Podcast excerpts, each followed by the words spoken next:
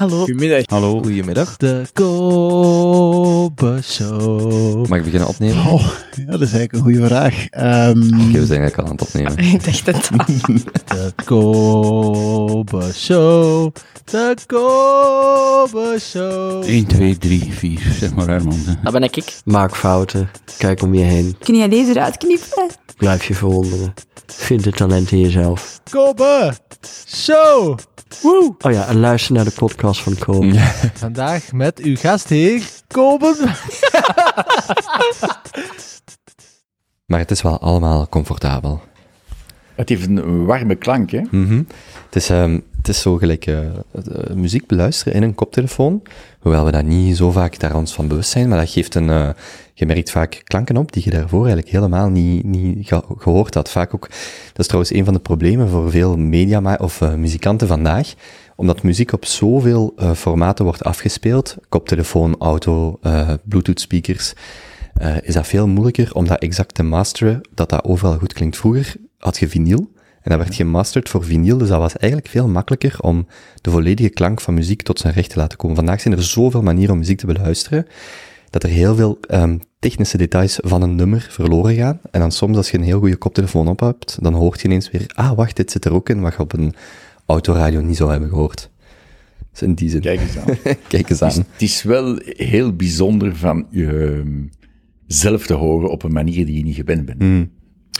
Binnen 10 minuten is dat gewend. Kijk eens aan. Kijk eens aan. Christophe, ik heb er, eh, ik heb er naar uitgekeken om je hier te mogen en eh, kunnen ontvangen. Dus allereerst dank u wel om, eh, om, om tot hier te komen. Met plezier. Ik, ik was er op voorhand over aan het nadenken. Het is misschien een, een iets ander, anders dan ander gesprek. In die zin voor mij dat we. Ik heb nogal de neiging om meanderend over mensen hun leven te praten. Dat weten eh, luisteraars die, die mij al langer volgen.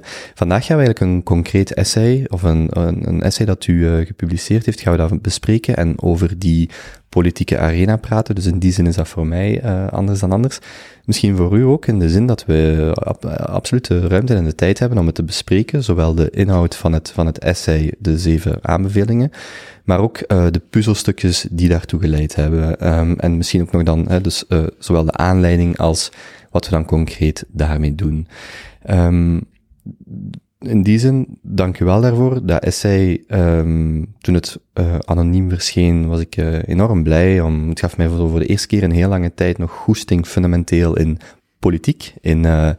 in, in ja, een, bepaalde, een, een, een, weggaan van de politieke dagelijkse sleur, de, de, de waan van de dag, de, de, de particratie en verder, maar eerder een fundamentele overtuiging van oké, het- het is belangrijk dat ik mij hiervoor inzet. Waarvoor dank. Ik, ik, was aan het denken, er zijn voor mij, als ik het goed zie, twee fundamentele puzzelstukjes die tot het essay leiden. En, en ik ga je die zelf eh, laten kaderen. De eerste is de achtergrond en opleiding, die u dan heeft genoten, dat u iets kan vertellen over uw eigen studies, uw eigen ervaring, eh, die, u, die in het leven eigenlijk heeft opgebouwd. En dan een tweede puzzelstukje, kunnen we later overkomen, eh, tot komen, is dan de anonieme publicatie. In eerste instantie, ik heb hem gevonden via een tweet van Karel de Vos, en eh, dan kunnen we ook vandaar verder gaan. Dus misschien eh, breder de vraag stellen. Was uw, was uw achtergrond? Ik weet dat u al het had over een professor Perrin. Ik ga u, ik u zelf laten vertellen. Was misschien de achtergrond? Wat zijn de belangrijke puzzelstukjes die ertoe leiden dat iemand eh, later eh, in het leven een, een, een essay met een politiek pleidooi schrijft? Dank je wel.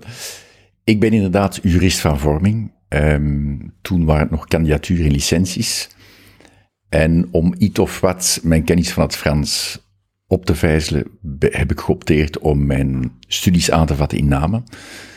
eh, als kandidaat in de rechten. En ik herinner me nog, in het tweede jaar, de tweede kandidatuur, hadden we een gastcollege van een professor François Perrin. Die was professor grondwettelijk recht aan de Universiteit van Luik, maar was ook eh, politiek geëngageerd. Eerst bij de Rassemblement Wallon, dan daarna denk ik bij de Liberale Partij. En die man kwam daar op dat gastcollege ons een lezing geven over het, de werking van ons politiek bestel, dat tot mijn verbazing weinig van doen had met hetgeen we het jaar daarvoor in de cursus grondwettelijk recht hadden geleerd. Dus er was een grote kloof tussen de theorie en de praktijk. Briljant en begenadigd spreker, Ehm, man die zijn stempel ook heeft gedrukt op de grondwetherziening van 1970. En hij verwees naar een boek dat hij geschreven had, ik denk dat zijn doctoraatsthesis was, in 1958, mijn geboortejaar. Ik ben dat boek gaan opsnorren in de bibliotheek, het noemt La Démocratie enrayée. Uh, nog altijd razend actueel. Ik las vorig jaar geloof ik een interview in de Standaard van professor Vuij en professor Uitendalen, die allebei zeiden dat het nog altijd eigenlijk een standaardwerk is over de Belgische politiek. En ik vond dat heel interessant. En dan de tweede stap, denk ik, in de interesse voor de politiek was er natuurlijk altijd al aanwezig. De tweede stap had te maken met um, een, een, ontmoeting, ooit gehad met een uh, liberaal minister, maar dan in verre contraire. We zijn in augustus 1980. De tweede grondwetherziening was gestemd en we waren met een groep studenten en we vroegen aan die persoon hoe het kwam dat uh, zijn partij daaraan had meegewerkt en wat de objectieven waren. En die zei heel eenvoudig, kijk, voor ons heeft het niet zoveel belang. alleen we hebben een, uh, een belastinghervorming uh, kunnen negociëren en die gaat ons goed uitkomen bij de komende verkiezingen. En als student in de rechter was dat een beetje bijzonder, omdat het eigenlijk aangaf dat je hier in een proces had van geven en nemen, mm van uh, een politieke strekking die daar eigenlijk niet zo geïnteresseerd was, maar voor iets anders op de korte termijn, namelijk een electoraal voordeel nastreefde. En dan kwamen we terug, derde stap, uh, in 1980. Mijn laatste jaar rechten aan de KUL. We hadden daar een fantastisch professor uh, staatsrecht, Jan de Meijer. En professor de Meijer had in der haast een, gast, of een gastcollege, een keuzevak um, uh, gemaakt over de jongste staatshervorming. En als ik me goed herinner, op de 450 studenten die we waren toen, in het laatste jaar rechten, hebben zich amper 15 man ingeschreven. Ik vond dat wel markant, dat voor zo'n ingrijpend iets als een staatshervorming, dat eigenlijk het gros van de studenten daar geen interesse voor had. Dat was een specifiek keuzevak de, over de, de staatshervorming van het afgelopen jaar. Van, van de zomer 1980. Mm -hmm. En in september begon ons jaar terug. En het is mij altijd bijgebleven, de zoektocht naar hoe kan een systeem eigenlijk tot een aantal beslissingen komen. Um, en dat afwijkt eigenlijk van een gemeengoed aan, aan denken. Hoe, hoe, hoe leg je dat uit? En dan ben ik verder begin na mijn studies, verder blijven lezen. Ik heb heel veel opgedaan van uh, een Amerikaanse school, de Public Choice School. Um, ik denk dat Ivan van der Kloot daar even over gepraat heeft uh, op het, uh, de podcast bij jou, een paar weken terug. En gaandeweg um, heb ik mijn idee gevormd van hoe democratie functioneert, en zeker in een coalitiestelsel. en ben ik doorgaans mijn carrière heen vanuit die lezing naar de actualiteit blijven uh, kijken. Um, en dat is zo'n beetje mijn, mijn ideeën goed geweest en blijven aftoetsen van de plussen, de minnen, van hoe je tot een systeem komt. Dat is het eerste puzzelstuk. Hmm. Um, als ik het goed, uh, want ik ga soms proberen de brug te maken voor de mensen die eigenlijk, en inclusief mijzelf, dat ik zeker mee ben. Die drie punten die je opnoemt. Het eerste is dus eigenlijk een professor die zegt, wacht eens, de praktijk is best anders dan de theorie die u het afgelopen jaar hebben gezien, wat op zich een, uh, een observatie is, of een merkwaardige observatie. En een tweede is dan het, het, het idee dat um, de politiek misschien met andere dingen bezig is, of politieke besluitvorming niet per se draait rond wat dan de beste, meest democratische ideeën zijn, of de meest breed gedragen ideeën, maar dat er een soort van uh, handel ontstaat, waarin uh, ieder een beetje krijgt, dat er een soort van deal wordt gemaakt, maar die tot, want daar komen we dan zelfs bij, bij allerlei uh, uitwassen leidt, die eigenlijk niet echt te maken hebben met de kern van dat wat een, een regering, een kamer, een senaat zou moeten doen. Dat er een soort van koehandel ontstaat die, die allerlei uitwassen dan teweeg brengt. Ja, het klopt. Um, in het essay verwijs ik kortelings naar uh, Israël, uh, naar de Knesset, dus het parlement daar, waar je altijd ziet, of heel vaak ziet, dat het is een evenredig kiesstelsel, je hebt daar nooit een meerderheidspartij. En of het nu de Likud was of de Arbeiderspartij, die zoeken altijd naar steun van kleinere partijen om aan de macht te komen. En daar zijn het vaak fundamentalistische partijen die dan telkens op een heel specifiek thema een voordeel wensen af te dwingen. Dat gaat rond de leerplicht, dat gaat rond nederzettingspolitiek en dergelijke meer. En dan krijgen ze dan de meerderheid in het parlement voor, omwille van de vereisten van de installatie van de regering. Terwijl voor die specifieke maatregel, als dusdanig, mm heel vaak geen inhoudelijke meerderheid is in dat parlement, laat staan in de samenleving. En dan zie je hoe dat een politiek proces, en dat is bij ons ook zo, ook in Nederland is dat zo, is goed beschreven geweest door, ik kom daar later op terug, door een parlementaire commissie, dan zie je hoe dat politiek proces van geven en nemen leidt tot een aantal beslissingen in wetgeving, in grondwetgeving, die eigenlijk inhoudelijk niet op een meerderheid kunnen steunen, maar die wel door het arbitrage eigen aan de werking van een politiek proces tot stand komen. En dat heb, dat heb ik altijd heel interessant gevonden. Hmm. Is daar een actueel voorbeeld in de Belgische politiek dan de, de energie, het beleid rond energie, een wet die dan eind jaren 90, en verbeter mij als ik fout zit, de Groenen komen mee aan boord van de regering of begin 2000. Er wordt een wet naar voren geduwd om dan een kernuitstap te doen, die eigenlijk nu weer heel actueel wordt, terwijl dat, dat misschien toen helemaal geen um, parlementaire nog een, een, een, um, een maatschappelijke meerderheid had, het idee om een, deze kernuitstap te doen, maar wat nu dan wel op het bord 20 jaar later, 25 jaar later verschijnt. Is dat daar een voorbeeld van?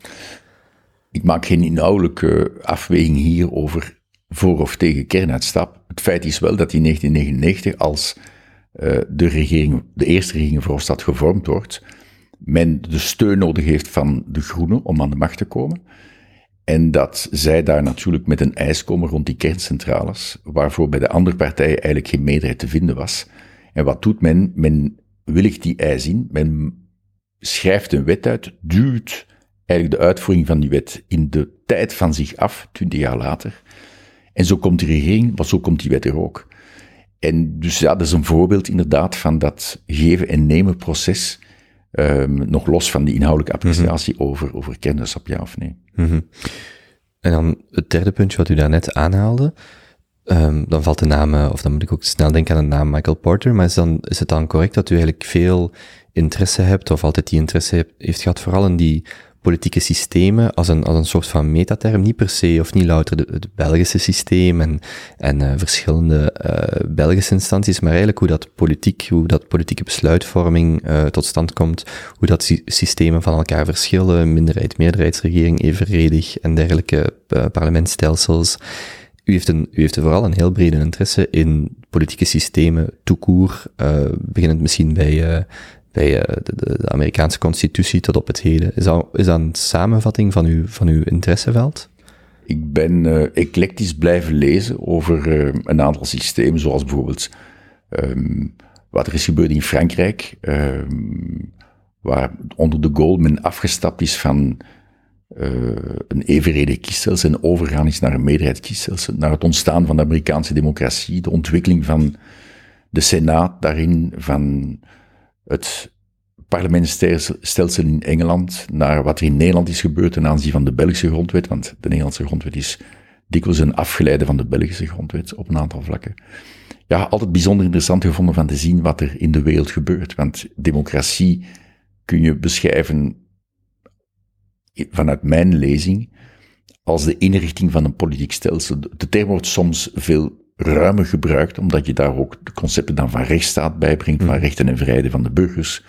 Maar in mijn lezing, in, in, dit essay tenminste, gaat het heel specifiek over hoe richt je een politiek stelsel in en hoe zorg je ervoor dat de collectieve preferenties die in een bevolking leven zich op de meest adequate manier vertalen in een beleid, ja of nee. Dus dat is eigenlijk de, de, de, de, eerste grote puzzelstuk mm waar je naar verwees. De tweede puzzelstuk die aanleiding gaf tot die essay, die deed zich voor in februari vorig jaar. Uh, de regeringsvorming was weer op een sisser afgelopen, met veel gedruis. Um, en uh, dat leidde tot een aantal discussies uh, bij ons thuis, met mijn zoon, met zijn vrienden, de jeugd daaromtrent. En ik vond het bijzonder interessant, want die generatie verwijt ons, onze generatie, dat wij hen eigenlijk een land zullen overlaten laten dat niet alleen fel verarmd is, maar ook bijzonder verhakkeld om dat probleem aan te pakken. En uit die discussies kwamen een aantal standpunten naar voren die naar mijn beleving iets te radicaal waren om te stroken met wat ik zie als een harmonieuze, functionerende democratie. En toen smeet mijn zoon mij voor de voeten. Uh, papi, als je het allemaal zoveel beter weet, schrijf het dan zelf eens uit. Mm. Nu komt die maart de lockdown. Uh, wat, uh, ja, we zaten verplicht thuis. Mijn vrouw verplicht mij van mijn boekenkast te ordenen. En dan heb ik eigenlijk een hele race boeken die ik de laatste 10, 15 jaar gelezen had, terug de hand genomen. Maar ditmaal ben ik ze beginnen lezen met een fluorstift en met post-its. Mm. En, en van daaruit is vrij snel een document uh, gekomen. Um, ik heb dat toen gedeeld, niet alleen met de jeugd, um, maar ook met een aantal gelijkgezinden. En die hebben, vonden dat interessant, hebben me aangespoord om het te laten vertalen. Zo is dat uh, terechtgekomen bij Itinera. Uh, ik spreek nu van ongeveer eind april. En Leon Neels is, heeft heel rap ontdekt dat ik daar de auteur van was.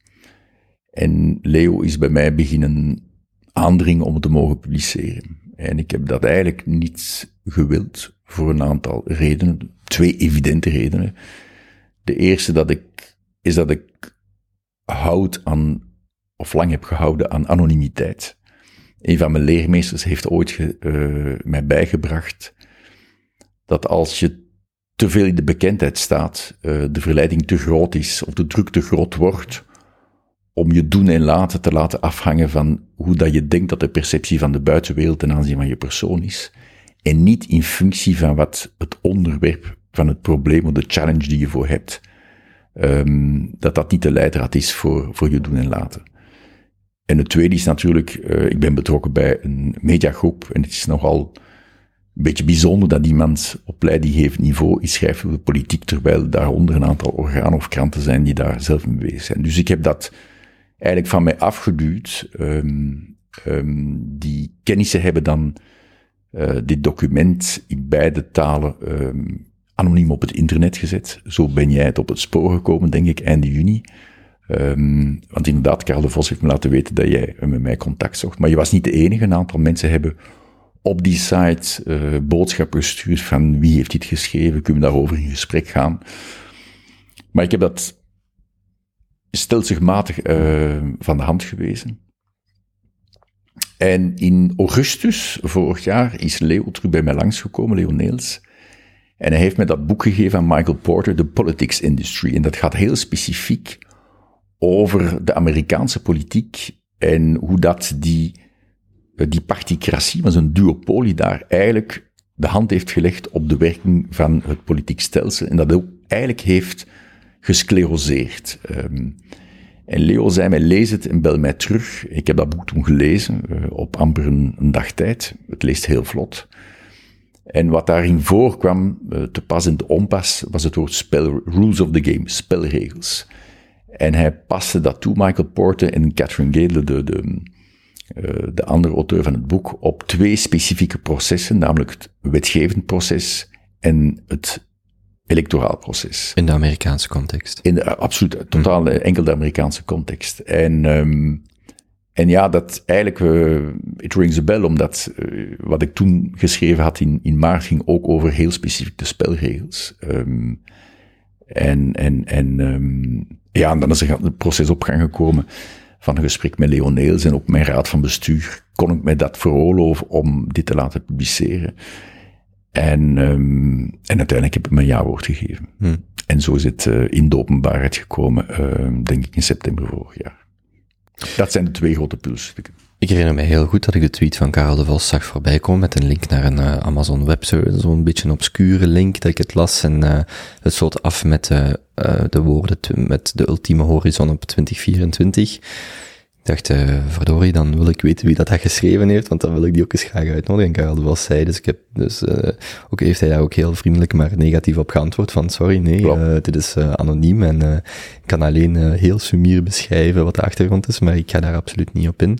Dus in die zin, um, in die zin, begrijp ik dat u, dat u dat proces bent doorlopen, dan uiteindelijk een naam hebt gepubliceerd met, met eigen naam en toenaam Wat zijn de, de reacties geweest uh, die u misschien uh, niet verbaasd hebben en die u wel verbaasd hebben sinds u het ondername en hebt gepubliceerd? Wel, alvorens daarover te hebben, wil ik iets zeggen over Karl de Vos. Ik ken de man natuurlijk van televisie en van zijn stukjes in de, in de pers, maar ik ken hem niet persoonlijk. Hij was, heeft met mij contact gezocht als hij vernomen heeft uh, dat ik dit geschreven had in juni.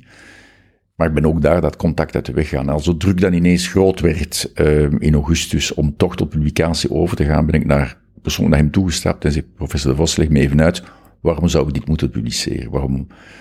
En dat vond ik een heel boeiend gesprek van iemand die toch met veel meer ervaring over dit thema uh, heeft. Uh, is een van, de, een van de mensen die mij overtuigd heeft om, om die stap te zetten.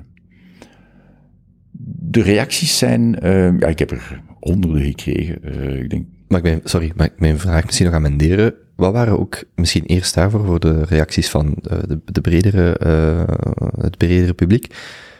Wat waren de reacties van de mensen waarvoor u het initieel schreef, namelijk die zoon en vrienden van die kinderen? Um, ze vonden het um, heel lezenswaardig, heel vlot geschreven, heel, um, heel conceptueel en weinig polemisch. Dus, dus in die zin draag je hen mee om buiten een context van partijpolitiek te denken. Uh, er wordt geen naam in vernoemd, geen partij in vernoemd, maar gewoon puur, je kunt het ook toepassen op Nederland. We kunnen er straks over praten met wat zich nu afspeelt in Den Haag. Um, en dat conceptuele spraken we aan en, en blijven nadenken. En iedere keer met hen zeggen, kijk, soms heb je, en dat is dikwijls zo in het leven, maar in de politiek zeker, zaken die evident lijken op papier. In werkelijkheid, als je een beetje nadenkt hoe dat de, de drivers zijn van de werking van zo'n systeem, dat dat eigenlijk in de realiteit geen, geen goed idee is. En dat is een leuk gesprek geweest. Ja. En ze hebben mij ook uh, een aantal zaken bijgebracht, mijn zoon in het bijzonder, want die heeft mij, en we kunnen er straks op terugkomen, het staat met zoveel woorden beschreven in het boek van Michael Porter, het stond niet op mijn radar. Is het systeem is een meerderheidskies, als dat noemt ranked choice voting.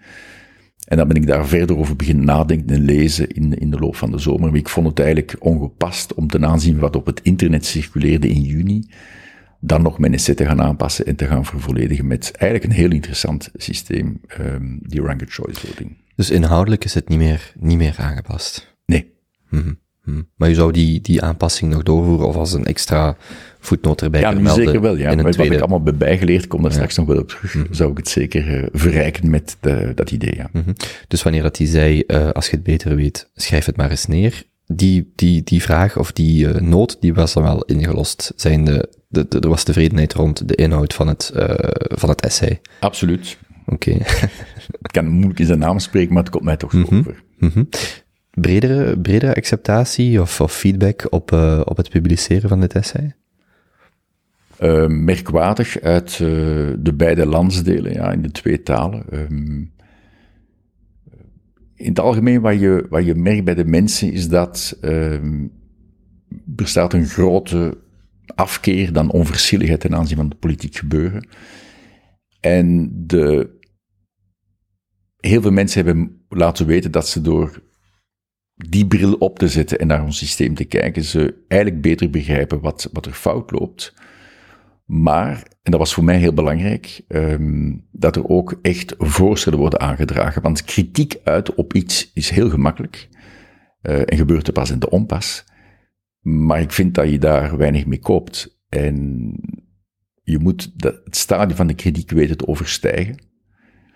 En echt met voorstellen komen om, om te proberen die mankementen, die dysfuncties van een bestel, om dat op te lossen. Wat de mensen ook apprecieerde, is dat ik het eigenlijk het communautaire buiten beschouwing liet. Niet omdat ik het communautaire uh, niet als een werkelijkheid aanzie, dat is inderdaad een, een realiteit. Alleen het vertroebelt danig de lezing van de dysfuncties van het systeem en het bemoeilijkt het zoeken naar oplossingen daarvoor. Dus als je het puur hebt over democratisch functioneren, dan laat je dat best even buiten beschouwing, want de problemen zijn eigenlijk nagenoeg dezelfde of je nu op het federale niveau of het regionale niveau bekijkt. Met een andere dimensie. Maar eigenlijk puur systemisch is de problematiek gelijkaardig. En een tweede beschouwing daaromtrent um, is dat een deel van de institutionele problemen die we hebben met die verschillende staatshervormingen zijn ook te verklaren als een product van die dysfuncties van die democratie. En dus in die zin, door die dimensie daar buiten te laten en de mensen echt gewoon te laten nadenken over het democratisch functioneren of niet, harmonieus functioneren van zo'n bestel, dat geeft terug hoop. En dat, dat was wel de reactie die ik van um, tal van mensen heb gekregen die mij hebben aangeschreven. Uh, er waren sommige mensen bij die van haar nog pluim kenden. En, uh, en soms waren er ook um, of heel eenvoudige mensen bij, huismoeders. Uh, dat vond ik uh, heel touchant zelfs. Um, heel veel reacties ook uit het bedrijfsleven natuurlijk. Dat is een beetje mijn achtergrond. Maar ook de juridische wereld. Um, consultants en dergelijke mee. Mensen die mij, sommigen die zeiden, mocht dit inderdaad zo functioneren, dan willen we wel uh, terug aan het systeem hmm. deelnemen. Dat vond ik uh, eigenlijk merkwaardig, ja. En hoopgevend. Reacties vanuit de politiek? Ja, absoluut. Um, um, absoluut, ja. Um, ik ga daar niet te veel over uitweiden, het heeft mm -hmm. natuurlijk een vertrouwelijkheidskarakter ook. Wat je merkt is dat de mensen uit het politiek bestel die mij daarover aangesproken hebben, niet dat ik ze allemaal kende, uh, wel in tegendeel, uh, die mij daarover geschreven hebben en dan telefonisch of via Zoom uh, in contact getreden zijn. Um, degene die uit het dagdagelijks zijn verdwenen, bij wijze van spreken, die niet meer met de handen dag in dag uit in dat partijpolitiek spel zitten, maar die daar jarenlang hebben ervaring opgedaan, dat zijn eigenlijk degenen die zeggen van, mm, mm. Dit, dit, dit zegt wel iets. Uh, iemand, een van die, die persoonlijkheden, uh, vertelde mij dat hij de eerste maal dat hij het las, een reactie had van, waar moeit hij zich eigenlijk mee? Uh, dit is wel mijn métier, dit is niet het zijne. De tweede keer uh, las hij het en zei hij mij van, verdorie, dat is interessant. En de derde keer zei nu heb ik echt begrepen waarover het gaat en, en, en wat, wat de hoeksteen is van wat je voorstelt. En ja, het heeft um, bijzondere gesprekken opgeleverd en, en, ik voel bij dat er een draagkracht voor is om daar verder over, over um, na te denken en, en met mensen van gedachten. Bij wijze van spreken zit hij. Nu, het is dan wel opmerkelijk, de enige die er echt over heeft geschreven, Rick van Kouwelaert, in een uh, stukje in de tijd. En dan Beatrice Delvaux is het een aantal weken geleden nog op de afspraak, kwam het even voorbij. Mm. Um, het is niet, en dat is ook een stukje misschien een, een vraag, of, een, of misschien is een frustratie veel gezegd.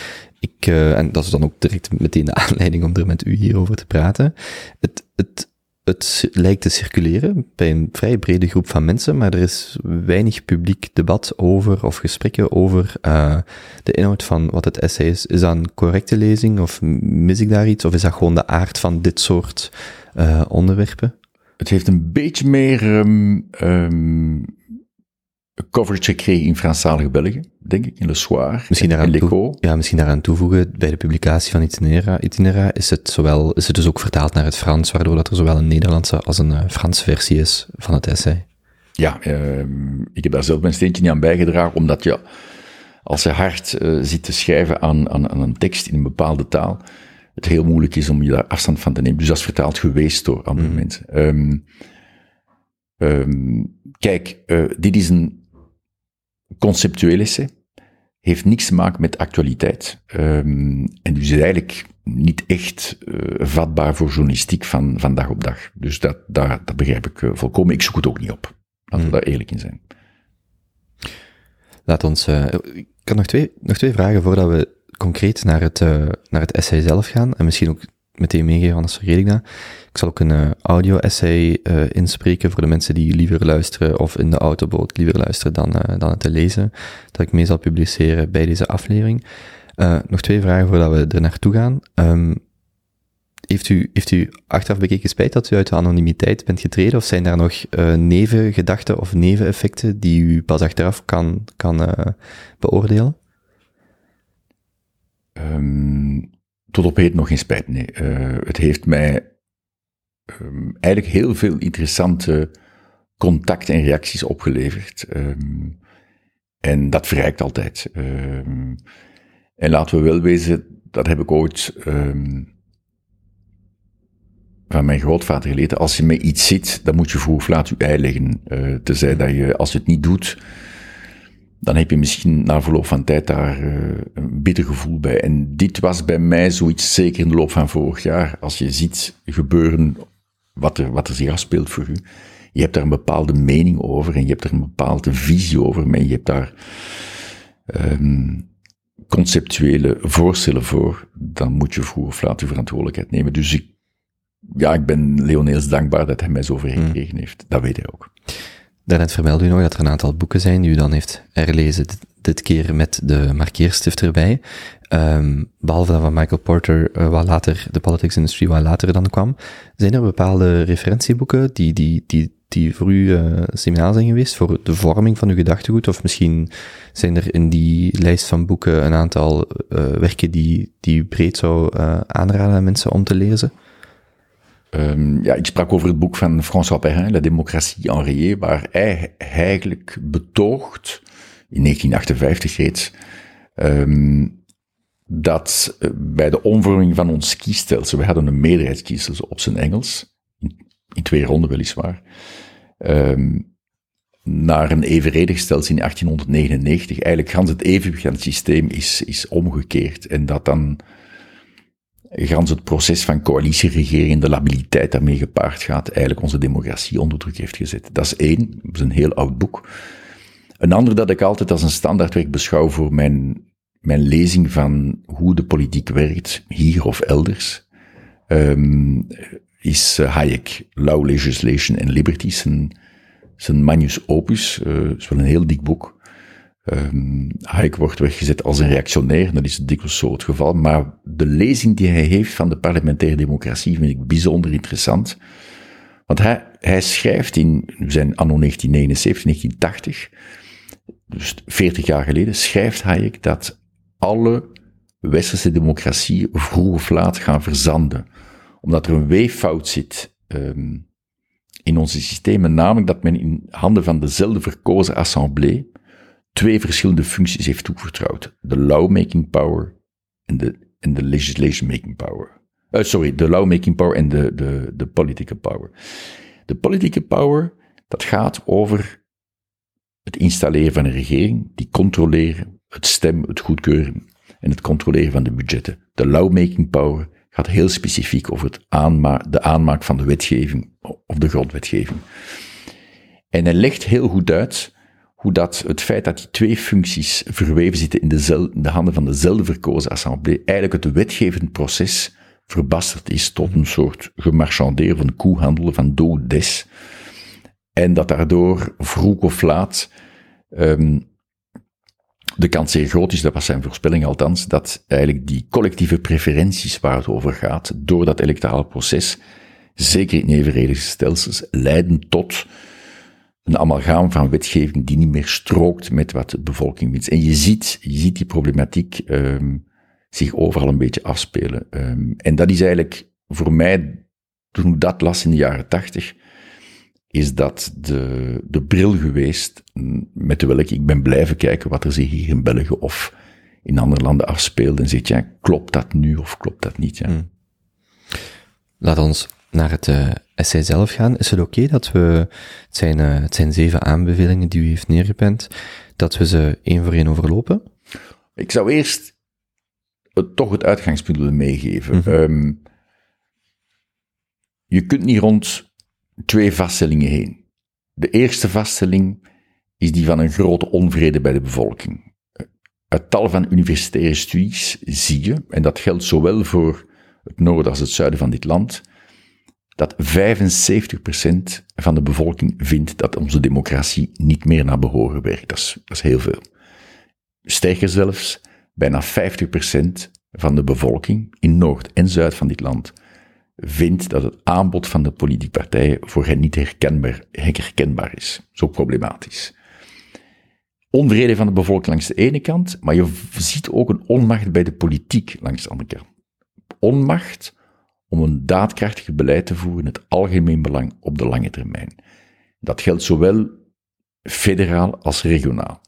Laat mij een voorbeeld geven op het federale vlak. Ik denk dat er al lang iedereen over eens is dat we toe zijn aan een herziening van ons belastingstelsel, zeker de personenbelasting. Dat het niet bijzonder efficiënt is en ook vrij onrechtvaardig. En toch komt men er maar niet toe. Regionaal, uh, ik denk dat er ook een grote consensus bestaat dat rekeningrijden een heel mooie en duurzame oplossing zou zijn voor het mobiliteitsprobleem. En toch durft men dat niet aan te pakken en door te voeren. En dan moet je de vraag stellen van onvrede langs de ene kant, onmacht langs de andere kant. Wat moet je doen om terug een consistentie te bereiken tussen de verzuchtingen en het beleid? En dan praat je over spelregels. Elke sociale activiteit heeft nood aan deugdelijke spelregels, opdat die activiteit op een performant en harmonieuze wijze zou kunnen geschieden. En dat geldt zowel voor voetbal als dat geldt voor het bedrijfsleven, maar dat geldt ook voor de politiek, die toch een bijzonder sociale activiteit is. Wat stellen we vast in ons bestel? Dat er heel wat spelregels zijn die ofwel hopeloos verouderd zijn, omdat ze uit een ander tijdperk dateren, of dat er op een aantal vlakken geen spelregels toekoer zijn. Denk maar aan de voor hier. En dus het ganse opzet daarvan, uh, van dit essay, is zoeken naar een aantal nieuwe of vernieuwde spelregels om die harmonieuze functionering van een bestel terug op gang te kunnen brengen. En die adequatie tussen collectieve preferenties en beleid. Want ik vind nog altijd, en ik blijf dat herhalen en zeggen, er zijn in dit land nog tal van competente politici. Alleen, je stelt vast dat het bestel hen onmogelijk maakt om effectief een beleid te voeren in, het, algemeen belang. En daar moet je dus iets aan verbeteren. En dat is de reden van, of dat zijn de achtergrond bij die zeven voorstellen die ik in het essay heb neergeschreven. U haalt ook concreet aan hè, dat, het, uh, dat we misschien milder moeten zijn. Ik ga het parafraseren, maar uh, milder zijn voor de politici en meer kritiek moeten hebben op het systeem waarbinnen zij moeten opereren, omdat dat gewoon niet zoveel ruimte laat voor hen om, uh, om misschien het algemeen belang meer te dienen dan wel dan het, het eigen belang of het partijbelang. Hm. Klopt. Die, want misschien dan nog heel kort, het essay is dan ook ontstaan na een periode van, weer een periode van een lange regeringsvorming, de, de, de drie jaar op de laatste tien jaar dat we eigenlijk uh, zonder een uh, regering met uh, voltallige of volledige bevoegdheid van een bestuur hadden. Dat is dan ook de context of de achtergrond waarin dat het essay is plaatsgevonden. Van hier, hier loopt structureel iets fout. We zitten op de laatste, misschien de laatste adem van een particratisch systeem waar wij in zitten. En we willen met of er zijn een aantal aanbevelingen om er fundamenteel die spelregels te veranderen, zodat niet de ene ploeg met de buitenspelval speelt en de andere zonder. En dat je als toeschouwer denkt, wat gebeurt hier? Ik kan het niet volgen, want de regels zijn niet duidelijk. Heel mooi gehoord. Uh, ja, inderdaad, de spelregels, dat is essentieel en dat geldt uh, op alle vlakken. Uh, maar heel bijzonder, denk ik, voor die heel specifieke sociale activiteit die politiek is. De spelregels bepalen de kwaliteit van het beleid. En niet alleen van het beleid, maar nog belangrijk, van de mensen die aan het beleid deelnemen. En je merkt dat te veel, dat er heel wat mensen hun interesse voor de politiek verloren hebben, laat staan daarmee willen betrokken zijn, gewoon omdat ze het eigenlijk niet mooi vinden, niet efficiënt, uh, dat daar heel veel nadelen aan verbonden zijn. En je merkt dat in het bijzonder bij de jeugd. Uh, ik wil daar iets heel specifiek over zeggen, en naar jouw generatie toe.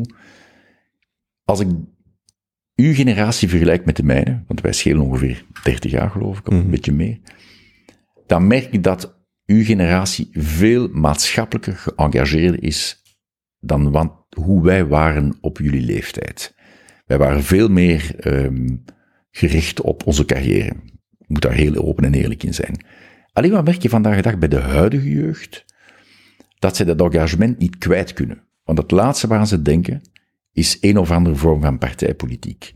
Omdat ze maar al te best aanvoelen, en ik denk dat een breed gedragen gevoel is in de samenleving, dat eenmaal je die stap zet, je eigenlijk je zelfstandigheid, je onafhankelijkheid van denken, van doen en laten verliest, omdat je wordt meegesleurd in een partijaanhorigheid en ook dus een vorm van partijdigheid.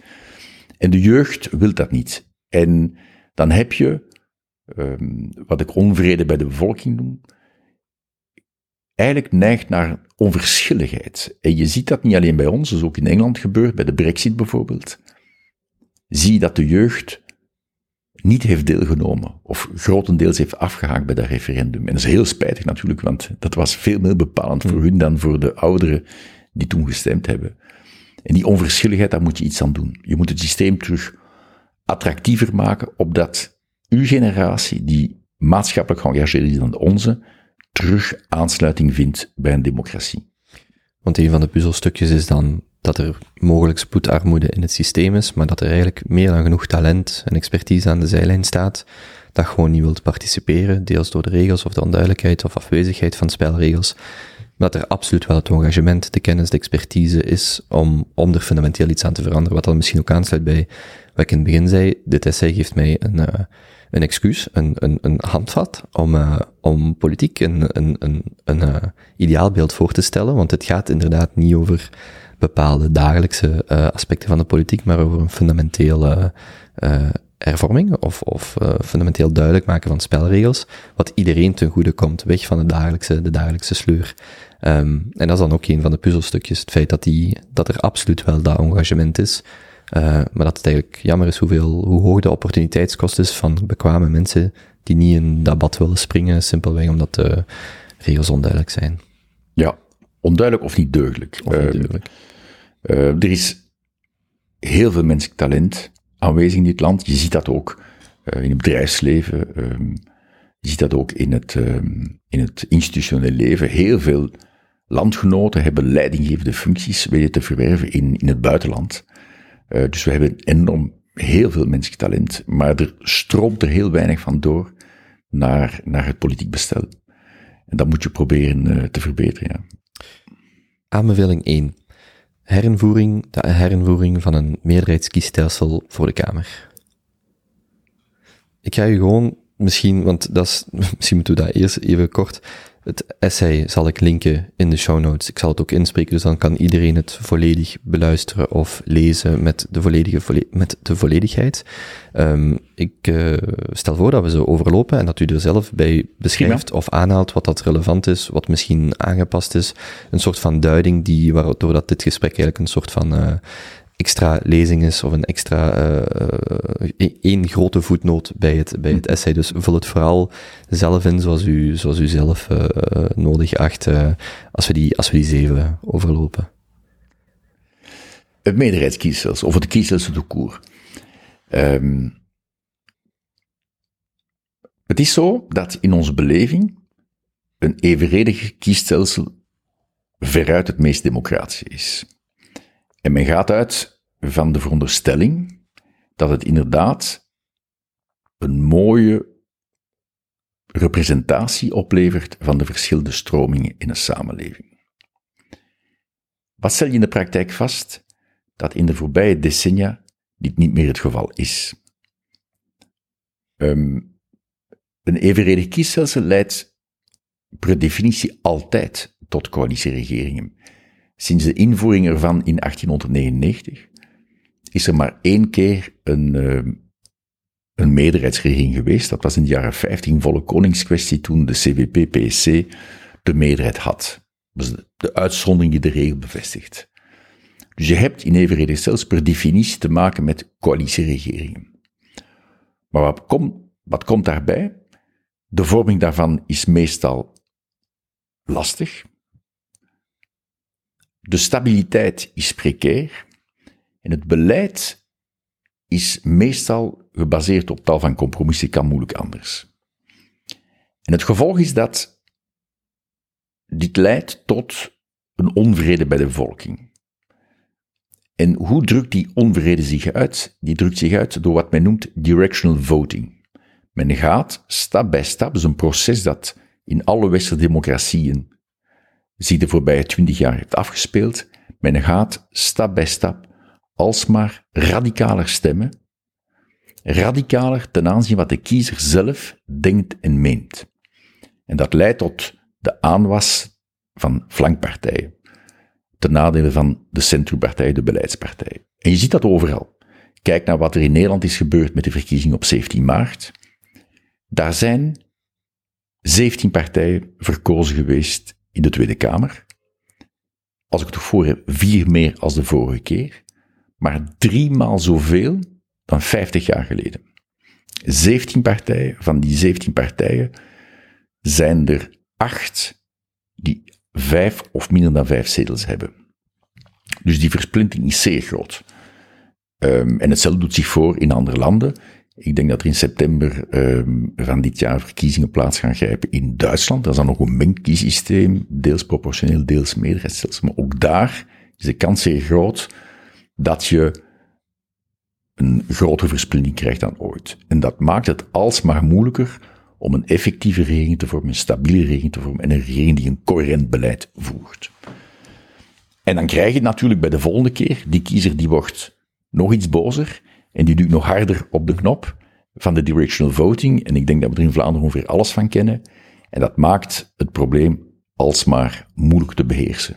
Want in een evenredig systeem is het ook moeilijker om een partij, sorry, in een, sorry ja, in een evenredig systeem is het ook moeilijker om een partij specifiek af te straffen, omdat er per definitie een coalitie is, waardoor dat de partij ook kan zeggen, ja, maar het lag eigenlijk aan de coalitiepartner, terwijl een meerderheidssysteem of een meerderheidsstelsel, um, er maar in principe één partij of dan een kleinere hoeveelheid, partij, hoeveelheid partijen uh, verantwoordelijk zijn en die makkelijker kunnen afgestraft dan wel beloond worden door de kiezer. Klopt. In, in een coalitiesysteem zoals het ons kun je altijd wegduwen achter het argument van de onwillige hmm. coalitiepartner. Maar terug naar de, de, de essentie. Um, zoals het nu loopt, bij ons, in Nederland, in Duitsland, kun je nog moeilijk de hypothese, de veronderstelling hard maken dat een evenredig stelsel een mooie representatie geeft van de verschillende stromingen in de samenleving. Dit is, dit is, is helemaal uh, verwaterd, bij wijze van spreken. Dus die, de basishypothese waarom dat een evenredig stelsel democratischer zou zijn dan een meerderheidsstelsel, die is eigenlijk ondergraven. Meer nog, door het feit dat het beleid die centrumpartijen alsmaar terug naar de macht duwt, zie je dat een van de pijlers van onze democratie, namelijk de alternance, de verandering van het bestuur, dat die alsmaar virtueler wordt, omdat die flankpartijen aangroeien, je kunt ze niet opnemen in, in het beleid, en dus het speelveld wordt alsmaar kleiner. Het zijn telkens malen, bij wijze van spreken, dezelfde partijen, met dezelfde tenoren ook, die terug aan de macht komen. En daardoor is de alternance van het bestuur ondergraven. En dat gaat dan de kiezer de volgende keer terug een stapje verder duwen in zijn directional voting en dus verder die versplintering um, vergroten. En daardoor is het evenredig stelsel in onze democratieën, niet alleen in België, maar ook in het buitenland, eigenlijk de motor geworden van de partijpolitieke versnippering, die, um, die het heel moeilijk maakt om nog tot heel stabiele regering te komen. Kijk wat er in Nederland is gebeurd. Ik denk dat je daar toch nog een, een aantal maanden voor de boeg hebt, eer dat je daar een, uh, terug een regering krijgt. Voor de duidelijkheid, evenredig is, ik ga stemmen, ik heb één stem bij wijze van spreken voor één partij of voor één persoon en daar stopt het ook in een, een verhouding tot een meerderheidsstelsel, dan wel Engels of Frans, wat dan ook de, de nuances zijn. Of wat zijn de, de, de, de kwalitatieve verschillen tussen een evenredig en een meerderheidsstelsel?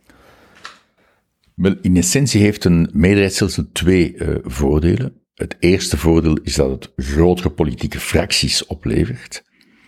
En dat je natuurlijk gemakkelijker tot de vorming van een regering komt die een coherenter beleid kan voeren en die natuurlijk naderhand door de kiezer daarvoor kan beloond of afgestraft worden. Dus dat is heel herkenbaar. Um, persoonlijk vind ik dat de meerderheidsstelsel ook iets democratischer heeft, omdat het gewicht van de stem van de kiezer in globo meer impact heeft bij de bepaling van het bestuur. Bij ons in een evenredig stelsel breng je stem uit en de dag je ze hebt uitgebracht, ben je, is het voorbij. Dan ligt de bepaling van het bestuur in handen van de partijelites, dus een kleine oligarchie, die gaat uitmaken van waar komen nu terecht en wat is het beleid. En dat heeft dikwijls weinig van doen bij wat de kiesuitslag eigenlijk als tendens aangaf. In een meerderheidsstelsel is dat helemaal anders. Um, en zeker in het Franse systeem met twee ronden, waar je de kiezer in de eerste ronde in zijn kiesarrondissement zijn, wat men noemt, vote du coeur uitbrengt, namelijk voor zijn voorkeurskandidaat. In de tweede ronde gaat hij zijn vote de raison uitbrengen, want hij kijkt dan ook naar de landelijke tendensen in de eerste ronde En mede daarvan gaat hij zeggen van, ik breng hier mijn stem voor uit. Dus de, eigenlijk is de impact van de kiezer op de bepaling van het bestuur in een meerderheidsstelsel groter dan in een evenredig stelsel. En dat brengt er mij ook toe te zeggen, in de echte zin van het woord democratisch, is dit eigenlijk dichter bij de realiteit dan in een evenredig stelsel. Het heeft ook nadelen, maar daar kunnen we straks ook terugkomen. Ja, want, um, of misschien, het is niet het Engelse systeem, of het is niet op Engelse leest, daar first past the post. Het is het Franse met, het, uh, met de zogenaamde vote de keur en dan een vote raison. Twee ronde systeem. Een twee ronde systeem, ja. Ja, het, het Engelse systeem, uh, first past the post, is niet bijster legitiem, laten we wel wezen. daar wordt in het kiesarrondissement enkel die kandidaat verkozen die de meeste stemmen heeft gehaald. Maar daarmee heeft hij nog niet de meerderheid van de stemmen gehaald. Meer zelfs, um, wat je ook merkt in heel veel van die arrondissementen, is dat als die al decennia lang een bepaalde kleur hebben, conservatief of labour, dat mensen eigenlijk niet mee gaan stemmen omdat het er weinig toe doet. Uh, het ligt toch op voorhand vast. En dus heb je een bepaalde vervreemding ten aanzien van het politieke proces. Dat heb je natuurlijk niet in een, uh, in een twee-ronde systeem op zijn Frans, waar je wel uh, die, die, um, die, um, die impact hebt. We spraken daar net over, um, want meerderheidsstelsels heb je uh, een aantal soorten natuurlijk. Het, was, het lag niet echt op mijn radar toen ik het publiceerde, of toen ik het schreef in, in maart, april van vorig jaar. Is de ranked choice voting. Mijn zoon is ermee afgekomen. Het staat uitvoerig beschreven in het boek van Michael Porter, The Politics Industry. En ranked choice voting is een systeem dat eigenlijk al 100, meer dan 100 jaar van toepassing is in Australië. En nu meer en meer opgang maakt in Amerika, in Amerikaanse steden en staten. Alaska bijvoorbeeld heeft het per referendum bij de verkiezingen van november jongstleden goedgekeurd. Wat houdt het in? Je hebt, zoals elk meerderheidskiesstelsel, je hebt een klein kiesarrondissement waar één zetel te begeven is. Maar de kiezer krijgt voorkeurstemmen in meervoud drie, vier, vijf, hangt een beetje vanaf van de keuze die hij daarvoor maakt. En dus hij plaatst zijn voorkeur 1, 2, 3. Um, komt er, dat, dat, die verwerking gebeurt elektronisch, komt er uit de eerste ronde een meerderheid voor één bepaalde kandidaat uit, en is die kandidaat natuurlijk verkozen. Is dat niet het geval, dan haalt men de laagste kandidaat eruit, met, met het minste aantal voorkeurstemmen, en reflecteert men eigenlijk die stemmen in het systeem. En zo brengt dat uh, in twee of drie ronden, maar het gebeurt eigenlijk, er is maar één ja. fysieke stemronde. als burger moet je maar één keer stemmen. Absoluut, maar één keer gaan stemmen. Zo komt dan uh, de, de, de winnaar uiteindelijk uit de bus. Het heeft een aantal bijzondere effecten. En dat gaat over de polarisatie. En die speelt op tweeërlei vlakken. Meerderheidsstelsels hebben de neiging, zeker in presidentiële systemen, dat moet je eraan toevoegen, um, waar die personificatie zeer hard speelt. Meerderheidsstelsels hebben de neiging om vrij polariserend te werken. De ene partij tegen de andere. Je ziet dat heel duidelijk in Amerika. Maar evenredige stelsels kennen dat eigenlijk ook. Niet alleen door het fenomeen van directional voting, waar vrij veel polarisatie mee gepaard gaat aan de extreme, maar je ziet ook een polarisatie, heel bijzonder genoeg, in de schoot van denkrichtingen. Uh, laat mij een Nederlands voorbeeld noemen. D66 en VVD zijn allebei liberale partijen. De ene een beetje meer links, de andere een beetje meer rechts van het maar het zijn in essentie twee liberale partijen. Het probleem van de collaboratie, van de samenwerking tussen partijen die eigenlijk dicht tegen elkaar staan qua gedachtegoed, is dat zij in dezelfde electorale visvijver vissen. En dus die zijn concurrenten van elkaar. En dat maakt de samenwerking tussen partijen die eigenlijk qua gedachtegoed heel dicht bij elkaar liggen en heel goed zouden moeten samenwerken, dat maakt die des te moeilijker. Dat is een, een van de nadelen van een evenredig stelsel. En in een ranked choice voting speelt dat helemaal andersom. Want daar gaan ze allebei dan campagne voeren. Zeggen, zet mij één of twee of mijn tegenkandidaat van die partij andersom. Maar wij komen samen op. En het, het systeem haalt dus, die ranked choice haalt de polarisatie weg. Niet alleen aan de buitenkant van de extreme, maar ook in, naar de binnenkant tussen partijen met een gelijklopend gedachtegoed. En je ziet dat heel goed functioneren in Australië. De, voor alle duidelijkheid, dit is ook in principe, spreekt, spreekt u hier enkel over de federale kamer, of maken we dat onderscheid eigenlijk in de regel niet? bij de, uh, bij de recommendaties. Het is, het is zo dat het het meerderheidskiesstelsel zou op alle niveaus, bij wijze van spreken, een, een verbetering zijn. Ik heb voor de eenvoud van het essay, uh, het was ook maar geschreven om een inner circle, laten we wel wezen, mij beperkt tot inderdaad de, de federale Kamer. Het mutatus mutandis kan het ook toegepast worden op andere niveaus. Uh, een systeem als choice voting zou perfect kunnen uitgetest worden op gemeentelijk niveau. Mm Moeten we daar nog iets aan toevoegen? Dan de, de, eigenlijk de tweede van de zeven aanbevelingen waren er twee die dan met eigenlijk de checks and balances te maken hebben. De ene is dan het meerderheidskiesstelsel voor de Kamer. De tweede is dan de hervorming van de Senaat. Misschien wel het, uh, verbeter mij als ik fout zit, maar ik weet nog dat ik het initieel las en dacht, ik denk dat dit het meest explosieve of toch het meest mogelijk controversieel is in mijn, in mijn beleving, omdat ik enkel uh, hoor van de Senaat als zijnde een, een, een, een, een zuurstofloze instelling die we beter afschaffen en dergelijke. Maar eigenlijk helemaal niet. De, dus de titel van de aanbeveling is de hervorming van de Senaat tot een zuiver grondwetgevend orgaan, waar dat u eigenlijk, als ik dat zo mag zeggen, een, een, een voorstel doet wat toch vrij um, afwijkt van de consensus die er lijkt te zijn om de Senaat volledig af te schaffen. Klopt. Het gaat tegen de tijdsgeest in. Ik sprak u daarnet over het verschil tussen government-making power en law-making power. Um, en de vermenging van die beide, die maakt dat een bestel op termijn vastloopt. In mijn voorstel, dat een functioneel tweekamerstelsel, moet je die functies heel duidelijk scheiden in twee apart verkozen organen. De Kamer, liefst volgens een meerderheidskiezel verkozen, krijgt, en dat is nu reeds het geval, exclusief de politieke functie toegewezen. Wat is de politieke functie? Is het installeren van de regering, het controleren van de regering, het bespreken en het goedkeuring en het controleren van de budgetten van die regering. Ik wil erop wijzen, wat dat budgetair betreft, dat gebeurt bij ons, die controle, gebeurt eigenlijk niets. Uh, maar dat is de, de begroting. ja. ja. Dat is de politieke functie. Ik voer eraan toe, um, de wetgeving met betrekking tot fiscaal recht en sociaal zekerheidsrecht. Waarom? Omdat die natuurlijk van uitermate groot bepalend belang is voor de gezondheid van de overheidsfinanciën. Aan de andere kant heb je de wetgevende Kamer, de Senaat, ehm, die alle overige wetgeving toegewezen zou krijgen met inbegrip van de grondwet. En daar stel ik voor dat men het evenredig kiezels behoudt om het draagvlak van die wetgeving en die grondwetgeving zo breed mogelijk te houden binnen uh, de bevolking die de onze is. Dus langs de ene kant een meerderheidskiesel voor de Kamer om de daadkracht van een regering te vergroten, grotere politieke fracties, grotere coherentie van het beleid, en langs de andere kant een evenredig verkozen Senaat die exclusief de wetgevende en grondwetgevende functie krijgt en die op een evenredige wijze wordt verkozen om het draagvlak zo optimaal mogelijk te maken. Maar je moet dan wel ervoor zorgen dat die senatoren, die wetgevers, door de grondwet beschermd worden tegen de druk van de partijpolitiek. En hoe doe je dat?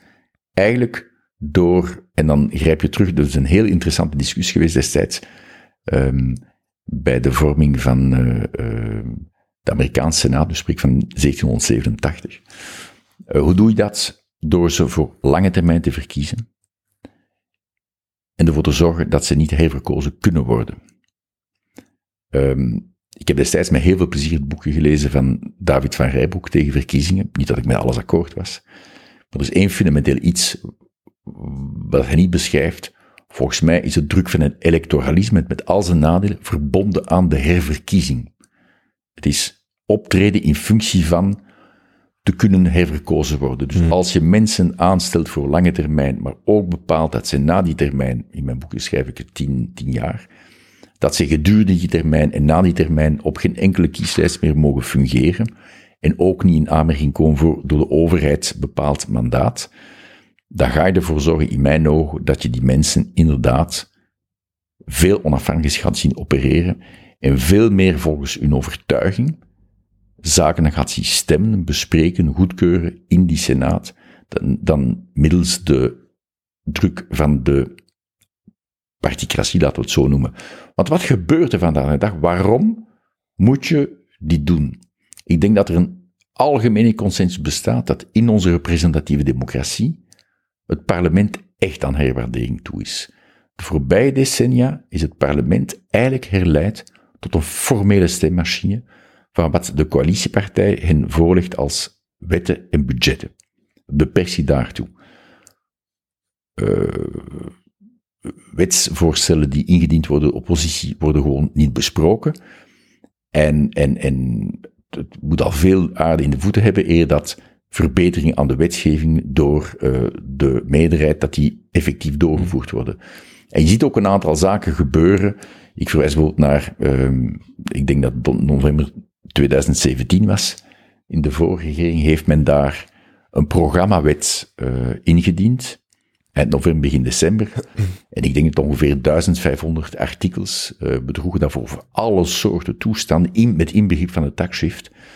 En het parlement, in dit geval de Kamer, was verondersteld dat binnen een twee, drie weken goed te keuren. Dat, dat gaat natuurlijk niet. Uh, en dan wordt dat door, door, doorgejaagd, bij wijze van spreken. En dan heb je geen inhoudelijke bespreking meer van die wetgeving. De wetten worden wel gestemd door het parlement, maar zij worden niet meer aangemaakt in ons parlement.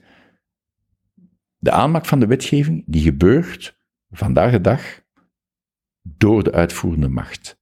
Tussen de ministeriële kabinetten onderling, waarin de aanvoer van de partijen eigenlijk geschiet.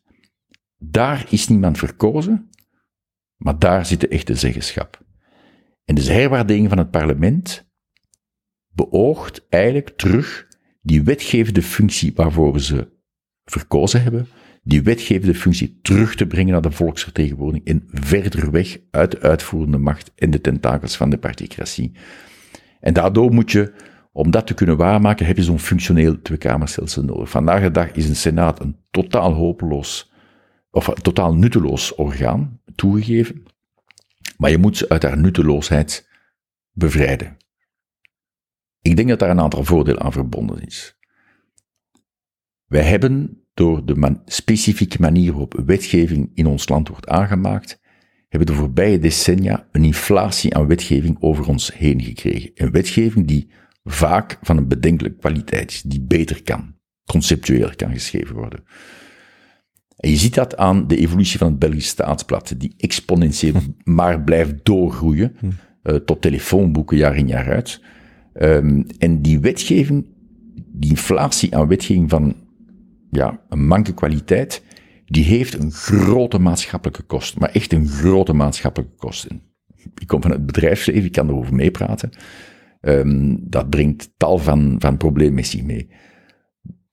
De loutere kostprijs van één zuiver wetgevend orgaan, die is een fractie van wat de maatschappelijke besparing zou kunnen zijn van een veel beter conceptueel opgestelde wetgeving. Dus dat gaat ook niet louter over de grondwet en de mogelijke grondwetsaanpassingen, maar dat gaat ook bijvoorbeeld, uh, nu laat u fiscaliteit erbuiten, maar ik ga het u anders vragen. Zijn er concrete voorbeelden waaraan een burger duidelijk merkt dat de legislatieve inflatie, en ik geloof van 30.000 bladzijden bij wijze van spreken naar 100, 120.000 uh, op, op een aantal decennia, concrete voorbeelden waar dat een burger heel goed merkt van dit is, of kan aan toetsen van dit is eigenlijk het gevolg van suboptimale um, uh, legislatieve keuzes die door een, door een geherwaardeerde senaat zou kunnen worden aangepakt? Wel, ik, ik sprak daar net, maar het fiscaal recht heb ik gezegd, blijft bij de ja. Kamer natuurlijk, maar dat is een voorbeeld dat de burger natuurlijk merkt. Hè. Onze fiscale wetgeving is een koterij geworden van alle soorten uitzonderingen, omdat dat telkens malen wordt, zo, zo wordt uitgespeeld. Ja, natuurlijk, de, de, de, maar je ziet dat op tal, tal van, uh, van niveaus ontstaan. Uh, wij worden als burger in onze Europese democratie verondersteld van de wet te kennen. Is natuurlijk een totaal illusoir iets uh, waar je mee geconfronteerd wordt. Uh, maar als burger zie je het ook in, in een beetje de overjaarse werking van ons gerecht, dat ook een loodzware uh, structuur heeft, uh, waarbij men telkens maar nieuwe wetten aanbrengt en dan is er een mankementje aan en wordt het uh, weggeschoten door het Grondwettelijk Hof. Um, en dan moet je terug van, van vooraf aan beginnen, zien wat er is gebeurd met de afschaffing van de assisejury. Ja, je, hebt, je merkt dat uh, dagdagelijks. Is de, is de befaamde pandemiewet een voorbeeld van hoe dat een grondwetgevende of een wetgevende senaat um, anders, een ander resultaat had kunnen teweegbrengen? Oh ja, ik denk dat uh, een, een, pandemiewet op zichzelf is niet zo, een conceptuele pandemiewet is niet zo moeilijk te maken. Natuurlijk zit je hier in de discussie, die je nu ook in Nederland merkt, waarbij um, in het parlement de meerderheid van de, uh, van, dus de, van de coalitie, die rekent eigenlijk op de regering en haar kabinetten om met een voorstel te komen. De oppositie legt wel een voorstel neer, met maanden vertraging weliswaar, maar men gaat daar gewoon niet op in. En daar is de discussie natuurlijk, wat ga je doen? Ga je een wet uitschrijven met, met in, die heel lang uitvalt, met, uh, of ga je een heel conceptuele wet uitgeven? In, in een systeem van een functioneel Tweede Kamerstelsel schrijft een senaat een heel conceptuele wet uit, die de regering de macht geeft een aantal beslissingen te nemen, en de Kamer, die de politieke functie uitoefent, die controleert de regering of dat inderdaad die beslissing die zij neemt al dan niet wettelijk zijn, proportioneel zijn, noodzakelijk zijn, in de tijd relevant zijn. En daar kan zich Maar nu ziet, ja, dus is het de slang die zijn eigen staart opeet en mm. kom je niet toe. Een vraagje net, uh, die, een vraag die mij te binnen viel over um, de senatoren, zei bijvoorbeeld die uh, tien jaar bijvoorbeeld in de Senaat blijven, met nog een aantal modaliteiten. Zou de, de praktische vraag, een, een, een, een senator, of iemand die opkomt om in de Senaat verkozen te worden, die moet dan wel op een partijlijst nog gaan staan. Dat kan niet als onafhankelijk persoon, dat is wel een verbinding met een, een partij. Er is geen enkel verplichting toe andere sociale organisaties kunnen één bepaald persoon naar voren schrijven. Zeggen, we denken dat die man, mm dat moet niet noodzakelijk een partij zijn, uh, als je, als je kandidaat uh, senator bent. Um, ik denk dat dat veel breder kan. Uh, ik heb het niet, mijn essay niet zo, met zoveel woorden uitgeschreven. Eigenlijk zou je de partij moeten toebrengen van minstens de helft op hun lijst, minstens de helft mensen te zetten die nooit op een kieslijst hebben mhm. gefungeerd. Om zo die, het openen van de deur, het aandragen van nieuw talent en, en, en nieuwe stemmen, om die te, te koesteren. De verkiezing voor de Senaat is ook elke vijf jaar dan? Um, ja, wat, wat, wat bijzonder is in wat ik beschrijf, is dat je, al ben je voor een lange termijn verkozen, pakweg tien jaar, het kan acht jaar zijn, hoor, doet er niet toe, uh, dat is een discussie, voor een discussie. Maar je bent voor lange termijn verkozen, en nogthans gaat om de vijf jaar, in het geval van tien jaar, de helft van de Senaat herkozen wordt, zodanig dat je een continuïteit hebt. Wat je vandaag de dag merkt in het proces, telke malen een regering valt, telke malen nieuwe verkiezingen plaats hebben, moet een bepaald wetgevend proces van vooraf aan hernomen worden. Mm. En je hebt dus uh, processen zoals de herziening van het burgerlijk wetboek dat nu aan de gang is in, in, in de Kamer. Um, wordt die Kamer herkozen voor politieke redenen, dan moet je gans dat wetgevend proces van vooraf aan beginnen met alle tijdsverlies van dien. Als je dat doet in een senaat die continu aanwezig is en om de vijf jaar voor de helft wordt gekozen, dan heb je een continuïteit en stabiliteit die maakt dat je veel beter weer kunt gaan. Maar dat zijn natuurlijk altijd twee sleutelwoorden in het uittekenen van een grondwettelijk stelsel, continuïteit en stabiliteit. En zeker voor de, bijvoorbeeld de discussie rond euthanasie, eh, de, de, de, de de zeer menselijke uh, of, of maatschappelijk breed gedragen problematiek, daar zou dan zo'n geherwaardeerde senaat een ideaal middel zijn om weg te gaan van de dagelijkse waan en, en eerder een fundamenteel of conceptueel debat of uh, uh, aanstot te kunnen doen.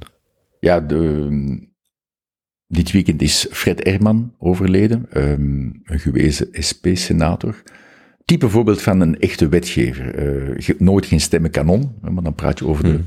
de Kamer eigenlijk. Hè maar een heel gewaardeerd jurist en, en, en um, echt een echte wetgever. En die man heeft op tal van wetgevende vlakken een dragende rol gespeeld. De Senaat is in het verleden, alvorens het werd ontmand uh, door de vorige staatshervorming, is altijd de, de, het orgaan geweest waar heel wat um, grondig wetgevend werk is verricht. Um, en ik denk dat we dat moeten koesteren.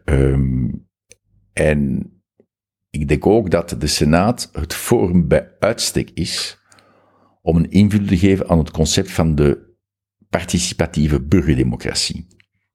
Ik geloof daarin, maar op heel specifieke voorwaarden. Namelijk dat je op heel specifieke thema's, je praat dan over de levensbeschouwelijke, abortus, euthanasie, Je praat over onderwerpen als de assisiewiegen, de voorwaardelijke vrijlating. Moet je stemplicht al dan niet afschaffen? Zaken die in de samenleving leven, waar de man in de straat een, een, echt een gedachte over heeft. Als je dan burgerpanels hebt die samen met experten de pro- en de contra's overwegen, dan help je de politiek, in dit geval de wetgever in de Senaat, die delicate thema's verder weg uit het partijpolitieke moeras, waar men al te rap zijn hakken in het zand zet, en de zaken worden dan altijd een beetje uh, de spits gedreven en gepolariseerd.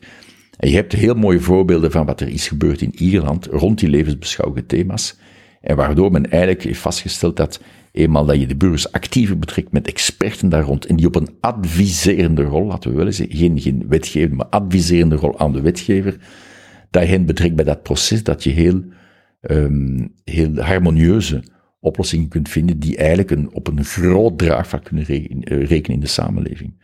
En daar ben ik absoluut een voorstander van.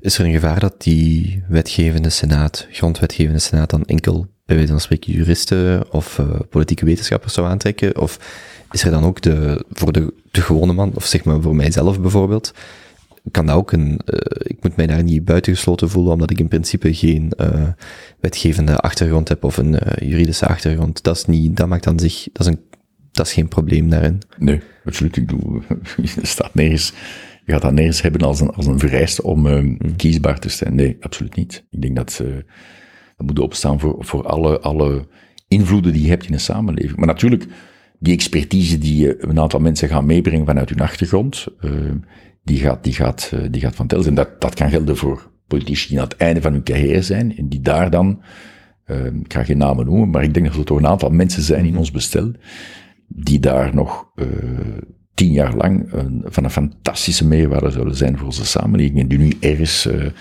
door gans dat marketinggedeelte die eigen is aan die partijpolitiek, heel sterk gefocust op de verkiezingen en dus het behalen van zetels, want dat, dat, dat, dat is cruciaal om aan de macht te kunnen deelnemen, dat die daar weg worden uitgeduwd uit door die continue vernieuwingsoperaties. En ik denk dat we, dat we inderdaad een plaats is voor die wijsheid, niet alleen van ex-politici, maar ook van mensen uh, uit alle soorten sociale organisaties, uit uh, advocatenkantoren, consultantsbedrijven. Ik denk dat dat, maar wat je merkt, dat is ook iets wat ik heb gemerkt uit de reacties die op uh, het essay uh, tot bij mij zijn gekomen. Ik denk zo 10, 15 mensen zijn geweest die totaal niets van doen hadden met de politiek. Die mij zeiden, kijk, mocht dat bestaan, mm -hmm. dan ben ik bereid van nog een aantal jaar van mijn leven te wijden aan het algemeen belang. Dat interesseert mij. Mensen die nu, omwille van de hondenstil die de politiek geworden is, uh, met al die druk van buitenuit, zeker van de sociale media, liever eigenlijk daar niet wensen aan deel te nemen met alle risico's van die. Maar je moet daar wel bewondering voor hebben om erin te stappen. Uh, en, en, maar dan open je een poort voor het talent uh, in onze samenleving, om terug dat talent aan te wenden aan uh, het verbetering van ons wetgevend en grondwetgevend kader.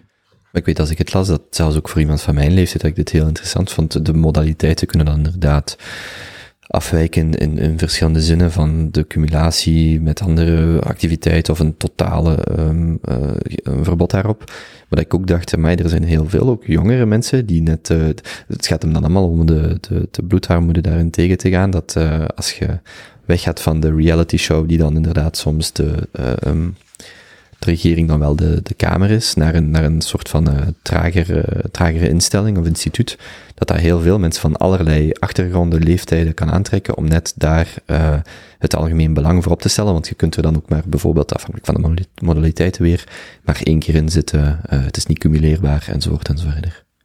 Ja, absoluut. Ik denk dat uh, dat is een absolute vereiste als je die mensen wilt goed doen functioneren, moet je ze grondwettelijk beschermen tegen de druk van de partijpolitiek. Want politiek, in de echte zin van het woord, die hoort bij bij de Kamer. Ik denk dat um, als je daar met, met politici over verder discuteert, in het begin is dat een beetje moeilijk, maar na verloop van tijd ze zeggen, ja, ik begrijp wat je bedoelt. Er is een wezenlijk onderscheid tussen beleid aan zich en wetgeving op zich. Ja, we spraken dan net over de pandemie, maar beleid is al wat die politici dag in dag uit doen, met die maatregelen om ervoor te zorgen dat we die pandemie onder controle krijgen. Het is niet altijd heel sympathiek, maar ze moeten wel doen en ze doen het. Wetgeving gaat erover om op een conceptuele wijze binnen het kader van de grondwet de mogelijkheid te creëren voor de regering om die maatregelen te nemen. En het politieke aspect daarin is de Kamer die controleert of dat effectief zo gebeurt ten aanzien van de wetgeving die van kracht is. Dus uh, je, dat die mensen dat goed zouden kunnen doen, als wetgever moet je beschermen tegen de dagdagelijkse vereisten van de partijpolitiek. En die is niet altijd heel leuk. Uh, en dat doe je best door te zorgen, voor te zorgen, één, dat ze voor lange termijn verkozen worden. Twee, dat ze niet kunnen herverkozen worden, dat ook ze niet voor een benoeming vatbaar zijn naar de hand. Dus dat zij heel onafhankelijk kunnen opereren en zorgen ook voor dat ze goed vergoed mhm. worden. Dat is een vereiste, want ik ben niet van die mensen die vindt dat onze politici te veel betaald worden. Wel in tegendeel. Ik ga mhm. aan dat populisme niet meedoen. Volgend punt, of moeten we daar nog iets aan toevoegen? Nee, uh, prima zo. Ik, zal, ik, ik vraag het liever om zeker te zijn of ik, uh, of ik niks over, overzie. Um, Deugdelijke invulling van het principe van ministeriële verantwoordelijkheid. Klinkt misschien voor veel mensen als een, als een eerder abstracte recommendatie, maar um, is helemaal niet zo. Het is eigenlijk, eigenlijk heel concreet. Um, ik ga u dat gewoon laten vertellen. Het is een beetje het verlengde wat ik zei over uh, de wetgevers, die de senatoren zouden moeten zijn. Vandaag de dag kun je moeilijk ontkennen dat ministers in een regering te veel optreden als behoeders van het partijbelang in de regering en veel te weinig als behoeders van het algemeen belang. En je ziet dat bij de samenstelling van de regering. Je moet mensen daar naar voren brengen die eigenlijk ervoor zorgen dat ze hun partij naar de volgende verkiezingen, zelf provincie per provincie wordt dat zo soms uitgedokterd, terug op de kaart zetten. Dus het, de electorale aantrekkingskracht van zo'n mandaat is bepalend voor die partij. Dus dat is het partijbelang. En nogthans, eenmaal je minister bent benoemd, regionaal, federaal, het doet er niet toe, mag dit land, de bevolking vanuit gaan dat je daar bent voor mhm. het beleid in het algemeen belang. Dus moet je ze op een of andere manier behoeden, uh, grondwettelijk behoeden. Want anders zie je wat er gebeurt, dagdagelijks, op de, de twee niveaus bij ons. Ministers die dossiers, wettelijke dossiers aan elkaar koppelen. Um, dossiers die vaak weinig van doen hebben met elkaar. Die veto stellen, met ontslag dreigen, effectief soms ontslag nemen, zoals de voorbije 10, 12 jaar een paar keer is gebeurd. Dit is een gedrag dat niet strookt met het algemeen belang. Dus hoe ga je die, hoe ga je dat mechanisme, welk is dat mechanisme dat ervoor zorgt dat eenmaal benoemd, zij toch meer dat algemeen belang gaan laten prevaleren op het partijbelang. Heel eenvoudig, uh, ik heb het omgedraaid. Uh, ik geef dat in alle eerlijkheid toe. Ministers in mijn ogen mogen enkel ontslag nemen nadat zij door de Kamer daarvoor de goedkeuring hebben gekregen. Een meerderheid. Een meerderheid in de Kamer, in de politieke Kamer. Liefst per geheime stemming. Ik zal er nog iets uh, aan toevoegen, dat staat niet in het boekje. Iets aan toevoegen is mij eigenlijk deze zomer um, uh, bijgekomen met lezen aan een aantal zaken over Engeland, of Engelse schrijvers. Een van de problemen waar we mee te maken hebben, is die overdadige transparantie. In Den Haag kunnen ze er vandaag de dag alles over vertellen. Met wat er de voorbije twee weken is geschied.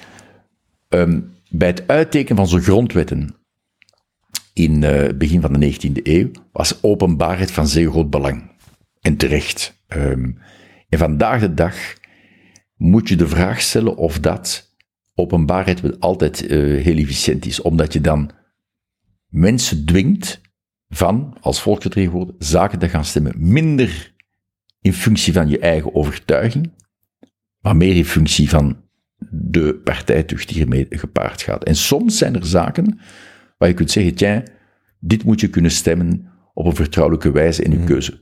Vorige week is in Den Haag, uh, om toe dat voorbeeld te noemen, een nieuwe Kamervoorzitter gekozen. Dat gebeurt per geheime stemming. Zodanig dat iedereen, elke volksvertegenwoordiger voor zich uit kan maken wie is de meest geschikte persoon en veel minder vanuit een partijstandpunt. Of zelfs publieke perceptie.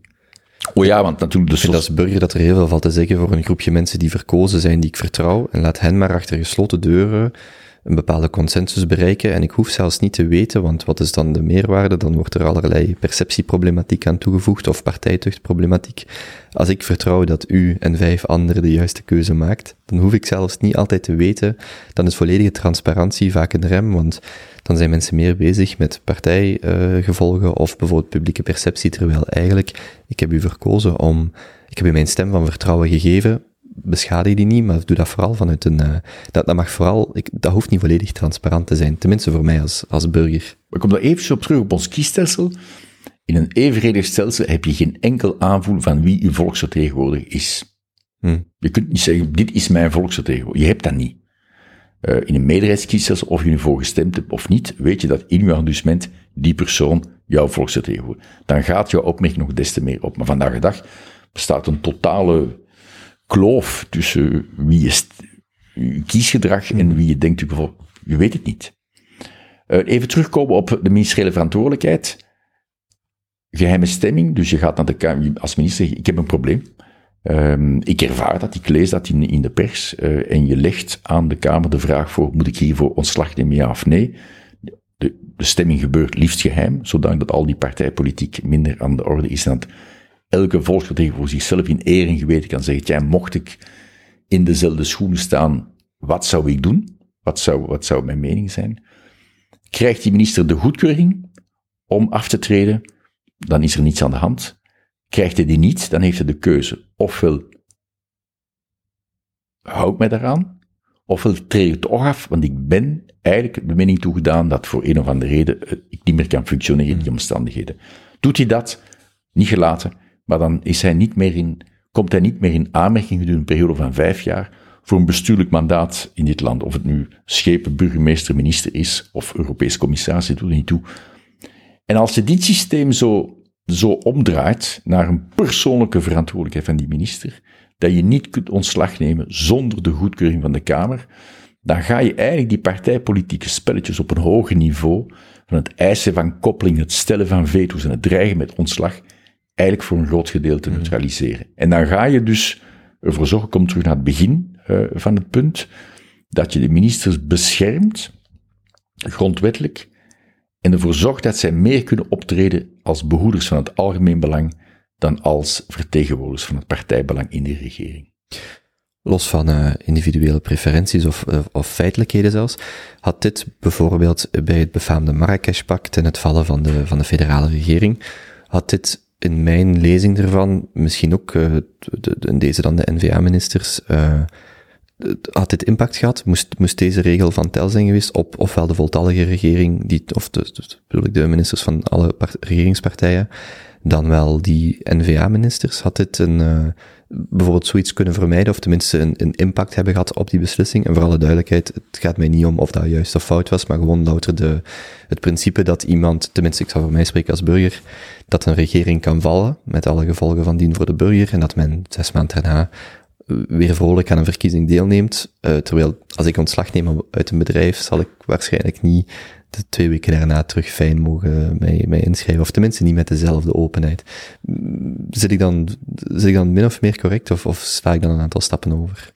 Nee, maar ik zal geen commentaar geven over, uh, over partijen. Vraag of, ik ook niet nee, voor nee, alle nee, duidelijkheid. Dat doen. Vraag ik ook niet. Uh, het punt is waar je, waar je absoluut gelijk heeft, hebt. het is vrij uitzonderlijk dat je in deze heel specifieke sociale activiteit die politiek is, dat je mensen ontslag ziet nemen uit eigen bewegingen en soms vanuit een partijbelang, lees electoraal belang, of, uh, en ze daarna enkele maanden later terug ziet verschijnen op een ander bestuursniveau.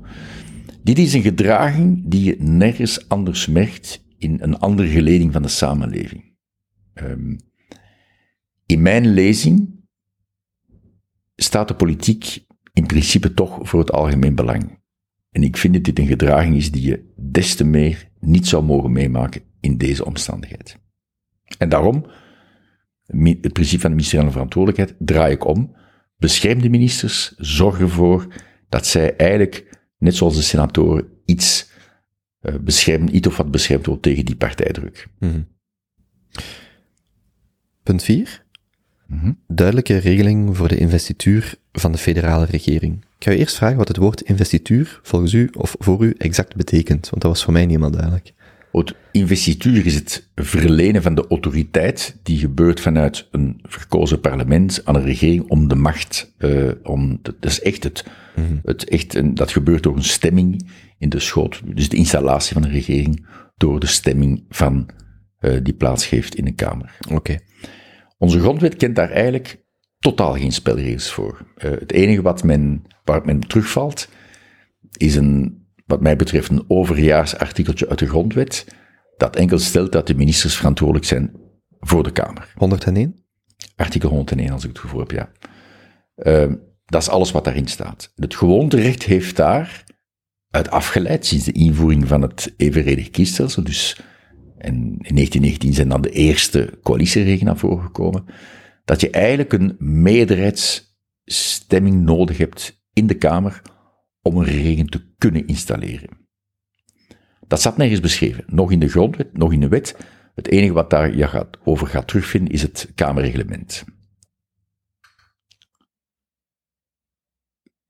Bekom je die meerderheid niet, en we hebben er alles van meegemaakt voorbije maanden, dat was niet, wel niet de eerste keer, dan zit je een maand lang in impasse. En om uit die impasse te geraken, zou je eigenlijk nieuwe verkiezingen kunnen houden. Alleen ook daarvoor heb je een nieuwe meerderheid nodig in de Kamer. En dat is op zichzelf natuurlijk geen uitgemaakte zaak, dat de Kamer die niet slaagt om een regering te installeren, dan wel de meerderheid zou winnen om zichzelf te ontbinden. En dus je hebt stemmen die opkomen, en die stellen, we moeten zoiets doen zoals in Spanje of Israël, uh, voor zorgen dat als er na zes maanden geen re regering is, dat je dan automatisch nieuwe verkiezingen hebt. Uh, op papier lijkt dat een heel goed en democratisch idee, maar eens te mee, wat dikwijls zo mooi lijkt op papier, in werkelijkheid draait dat anders uit. Kijk naar wat in Israël is gebeurd. Men heeft daar vorige maand voor de vierde maal in amper twee jaar tijd verkiezingen gehouden. En ook ditmaal is daar geen werkbare meerderheid voorgekomen. Het is zelfs zo, als ik de, uh, de, de commentaren daarop nalees, dat de mogelijkheid bestaat dat we binnen zes maanden, of dat men binnen zes maanden in Israël voor de vijfde maal naar de stembus zal moeten gaan. Dus op papier een mooi idee, in de werkelijkheid is het niet. Een ander uh, voorstel waar men uh, over gepraat heeft, om zo'n regering te kunnen installeren, uh, en, um, is dat men noemt een spiegelkabinet, waarbij men eigenlijk de regering van gemeenschap of gewestelijk, laat het even in het midden, dat men die eigen samentelt en zegt dat is dan een meerderheid. Maar je moet, ik denk dat dat ook een heel fout idee is, want je moet maar kijken naar de samenstelling van de huidige Westerregio, om dat maar te noemen, om te, even te beseffen wat voor paletje aan partijen zou krijgen voor een federale regering te vormen. Dus dat betekent dat wat, je... Wat is dan het regeerakkoord? Of hoe kom je daar überhaupt toe? Klopt, je hebt dan misschien Mhm. uh, automatisch grondwettelijk opgelegd wie de partijen moeten zijn die die federale regering moeten vormen. Maar dan heb je nog helemaal geen uh, Mhm. regeerakkoord meer. Laat staan toewijzing van ministerportefeuilles. Laat staan een coherent regeerakkoord. Dus ik denk dat, en dat gaat ook tal van nieuwe institutionele problemen opleveren. Wat gebeurt er bijvoorbeeld als op regionaal niveau, dat heeft zich voorgedaan in, uh, in het Waals gewest, uh, de vorige legislatuur, dat er ineens een coalitiewissel plaatsgrijpt op dat niveau. Wat moet je dan doen? Een niveau hoger. Dus het draait alles, het brengt tal van problemen met zich mee, die wellicht de institutionele chaos in dit land uh, nog verder gaan vergroten. Want, want voor de duidelijkheid, dit is het idee dat de Vlaamse en Waalse regionale regering, ja, uiteraard, uh, weerspiegeld zijn op het federale niveau. Dus, maar dat gaat er ook vanuit dat er dus eerst een regionale regering zou moeten zijn, of die moet gevormd zijn, die dan weerspiegeld wordt federaal. Daar zit, het zou niet andersom bijvoorbeeld kunnen zijn. Nee, nee, nee. nee. Ja, okay. nee, nee het idee van de mensen die met dat idee afkomen, gaat erop, komt erop neer dat je de regering hebt uh, op regionaal niveau of gemeenschapsniveau. Daar wordt dan nog een discussiepunt mm -hmm. natuurlijk. En dat die dan, die telt die partijen samen en dan heb je een, een federaal regering. Je riskeert natuurlijk, wat je nu reeds hebt, een beetje het fenomeen van het overlegcomité, dat ongeveer alle democratische partijen daar vertegenwoordigd zijn. Het enige, de enige niet-flankpartij die daar niet vertegenwoordigd is de CDH. Um, en uh, Defi zelf. Dus dat maakt natuurlijk dat je dan een bevolking te kijken, uh, en iedereen is in het bad, en als je dan in dat systeem treedt waar ik over sprak, directional voting, en je bent daar niet mee eens, ja, de, enige ruimte die je nog hebt, is naar keuze voor een flankpartij. En dan ga je dat, de, dat allemaal, die, die versplintering verder zetten. Uh, dus ja, ik vond ook... Om, om het te vertalen, de, de, de ontevreden burger vandaag in het systeem van een overlegcomité kan eigenlijk louter op uh, CDH, dan wel PvdA, Vlaams Belang stemmen om een proteststem maximaal te tonen. Ja, mocht het zover komen. Mocht het zover komen, ja. ja. ja. Okay. Um, in het essay heb ik een lans gebroken voor het grondwettelijk mogelijk maken van minderheidsregering. Laten we wel wezen, uh, ik zie mijn voorstel als een vrij coherent geheel. Ik pleit eerder voor een meerderheidskiesstelsel, wat natuurlijk grotere politieke fracties hmm. oplevert, waardoor dat de mogelijkheid van het installeren van een meerderheidsregering, door middels een meerderheidsstemming in de Kamer, al veel groter wordt dan in de huidige omstandigheden. Maar wacht, grondwettelijk is er toch geen belemmering? Zoals u net zegt, er is louter het gewoonterecht dat wij een meerderheid zoeken, maar er is toch geen belemmering om een minderheidsregering te installeren? Nee, klopt. Uh, alleen we hebben daar in België niet al de beste ervaring mee. En ik verwijs graag naar andere landen, alle Scandinavische landen, zonder uitzondering. Canada, Nieuw-Zeeland, om die maar te vernoemen. Dat zijn landen die, in Canada is het zelfs zo dat, uh, dat vind ik vrij extreem, uh, dat daar, dus een first past the post systeem, die men, dat men daar hanteert, de partij die de meeste zetels behaalt, die vormt de regering. Of ze nu een meerderheid heeft in het parlement, ja of nee. Dat staat daar echt zo letterlijk uh, ingeschreven. Maar al die landen met minderheidsregeringen, als je naar kijkt, stuk per stuk, zijn heel gezonde democratieën en heel welvarende samenlevingen, waar we best iets van kunnen opsteken. Ik denk dat wij in de politieke cultuur die de onze is sinds 1919 een kapitale denkfout maken. Het essentieel karakter van een democratie is niet zozeer gelegen in het feit dat er een regering wordt geïnstalleerd middels een meerderheidsstemming in het parlement, maar is veel meer gelegen aan het feit dat de wetgeving die gestemd wordt, en die van toepassing op de samenleving en alle burgers, dat die de vrucht is, of goedgekeurd wordt door een meerderheid in het parlement, niet op een formele wijze, zoals bij ons nu al decennia lang geschiet, maar als de vrucht van een echt inhoudelijk debat tussen de volksvertegenwoordiging. Mm. En dus, in mijn oogpunt, moet je, zelf als al met de meerderheidskiesstelsel, de kans op een meerderheid in het parlement of in de Kamer voor een regering te vormen veel groter worden, toch moet je grondwettelijk de mogelijkheid voorzien van het installeren van een minderheidsregering. En daarom heb ik in mijn voorstel eigenlijk een getrapt systeem um, uh, uit, of uitgedokterd uh, neergeschreven, waarbij dat je eerst de eerste drie of zes maanden, ik wil kwijt zijn, dat, uh, dat doet er niet toe, dat je zoekt naar in de regel de vorming van een regering met een meerderheid in het parlement. Haal je dat niet, dan breng je die grens naar beneden van, 45, van 50 naar 45 procent en daarna naar 40 procent, alvorens misschien dan wel automatisch naar verkiezingen over te gaan. Als je dat doet en je kijkt naar de politieke logica, zoals die afspeelt, het risico van er niet bij te horen bij legislatuurregeringen die de volle termijn uitdoen, wordt natuurlijk alsmaar groter en gaat die partijen dwingen om constructiever met zichzelf om te gaan, onder elkaar, om het risico te vermijden van er niet bij te zijn en voor lange tijd in de oppositie te zijn beland. Dan kun je zeggen, ja, komt dan dan een regering die maar 40% van de stemmen had. Je hebt zoiets in ons goddelijk bestel, dat noemt constructieve motie van wantrouwen. Als die regering dan wordt geïnstalleerd en en cours de route doet er zich een andere parlementaire meerderheid toch voor om die te vervangen, dan brengen die constitutieve motie van wantrouwen en kom je terug tot een meerderheidsregering. Want wat u ook zegt is, de regering hoeft geen meerderheid te hebben, zolang dat er een parlementaire meerderheid is over de specifieke kwestie die voor ligt, dan hebben we ook een democratische legitimiteit, ook al is het een minderheidsregering met pakweg 35% van de stemmen, ik zeg maar iets, of 40%, zolang dat er het parlementaire debat er is en de stemming, en daar een meerderheid bestaat, is er eigenlijk voldoende democratische legitimiteit, ook al komt het uh, voorstel bijvoorbeeld van een minderheidsregering. Absoluut. De, de, de noodzakelijke voorwaarde voor een democratie bestaat erin dat de wetgeving wordt goedgekeurd door een parlementaire meerderheid, maar als vrucht van een echt inhoudelijk debat. Mhm. En niet als werkstuk van een regering die het dan met de partij terug door dat parlement jaagt. Hè. Um, ik ben nogal vaak in Denemarken. Um, en daar zie je dus, dat is een land met een lange, lange traditie van, van minderheidsregeringen. En dan zie je dat onderscheid tussen wat ik daarnet zei, tussen beleid aan zich en wetgeving op zich. Hè. De regering voert daar het beleid, dagdagelijks. Ehm, ik kan de pandemie, het, of de pandemie niet terug bovenhalen, maar het is een heel typisch voorbeeld van de dagdagelijkse maatregelen die je moet nemen.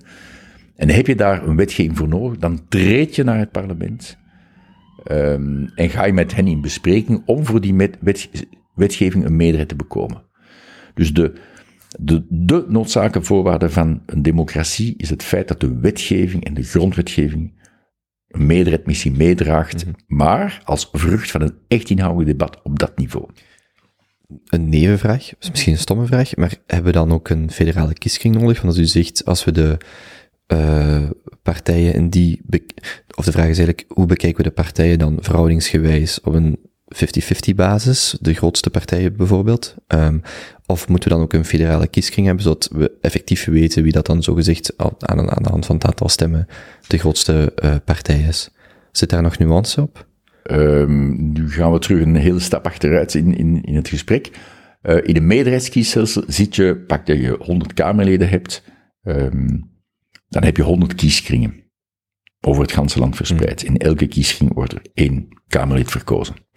U kunt daar bovenop nog een federale kieskring uh, uh, zetten, uh, die dan sowieso evenredig moet, moet functioneren. Ah ja, dus, dus in het systeem van het, het meerderheidsstelsel gaan we er het stelt zich inderdaad de vraag niet per se of we een federale kieskring dan, dan wel dan niet hebben, want het is inderdaad per arrondissement hoe we dat dan ook definiëren of wat ook de grootte ja. zou zijn.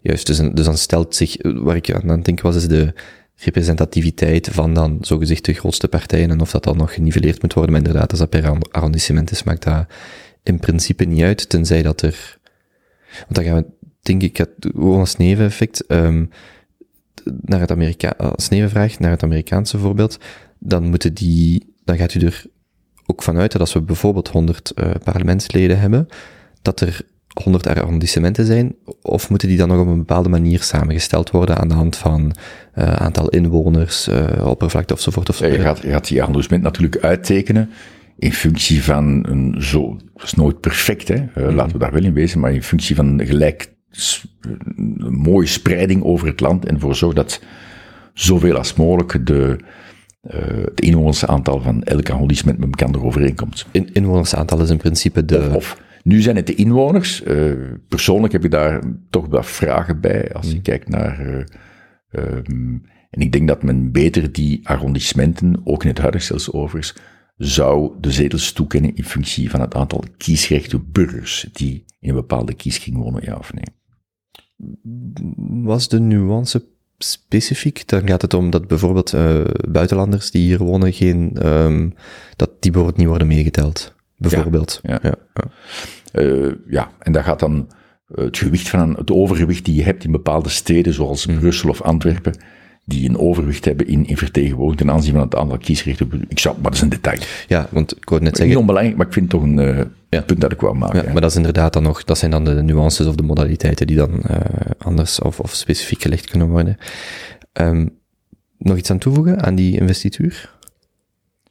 Ja, dus um, dat getrapsysteem, um, dat, dat een beetje verrassend, denk ik, dat uh, de mensen daar moeten over nadenken. En je moet dan nadenken over welke dynamiek het creëert tussen die partijen onderling. Uh, want alles is, de dag na de verkiezingen uh, is de belangrijkste verkiezing niet degene die voorbij is, maar is de komende verkiezing. Mm -hmm. En dat is ook het nadeel van zo heel korte deadlines op te leggen, na zes maanden, zoals in Israël, omdat men natuurlijk die partijen dan uh, als die heel dichtbij is, die deadline, dan neem, durf je geen risico's te nemen, want je zou wel eens kunnen mm. afgestraft worden binnen dit en zes maanden.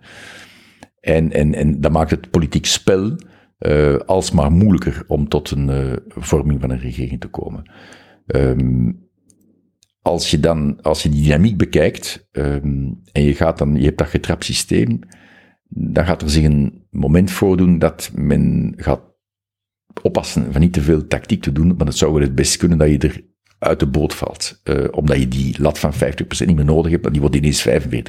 Is er een reden waarom dat dat u drie getrapte of van 50, 45, 40 voorstelt. Is daar een, is daar een maximum op hoe ver dat dit systeem Nee. kan gaan voordat nee, we naar verkiezingen gaan? nee, nee, nee. Ja, ik denk dat 40 is een onder, eh, Ah, ja. ondergrens. Een, een, Nee, dus gewoon, eh, nee, Mhm. er zit geen verder eh, vergelijkend denkwerk achter over wat er in andere landen is geschied daaromtrent. Nee, Mhm. nee. dus bijvoorbeeld, eh, elke drie of zes maanden zakt het met 5% tot 40. En als we er dan na drie of zes maanden niet uitkomen, wat dan ook de totale duur zou zijn, een jaar, anderhalf jaar max, dan gaan we terug naar verkiezingen. Maar dat eigenlijk de politieke partijen, of de, de, de, de spelers in dat politieke veld, eh, zowel de, de, de mogelijkheid, maar ook het incentief hebben om tot een oplossing te komen en niet direct naar verkiezingen eh, wordt gegrepen. Ja, eh, ik ben heel beducht voor wat nu op tafel ligt. Eh automatisch verkiezingen na zes maanden vind ik een idee dat zich, ja, maar kijken naar wat het, als het in de praktijk oplevert in, in het buitenland.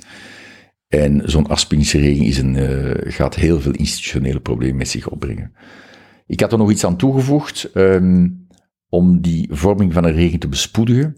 En dat heeft betrekking op de partijfinanciering. Ik, was net aan het kijken, valt dit onder puntje 7 of zullen we het nu al aanhalen, maar omdat u er zelf over begint.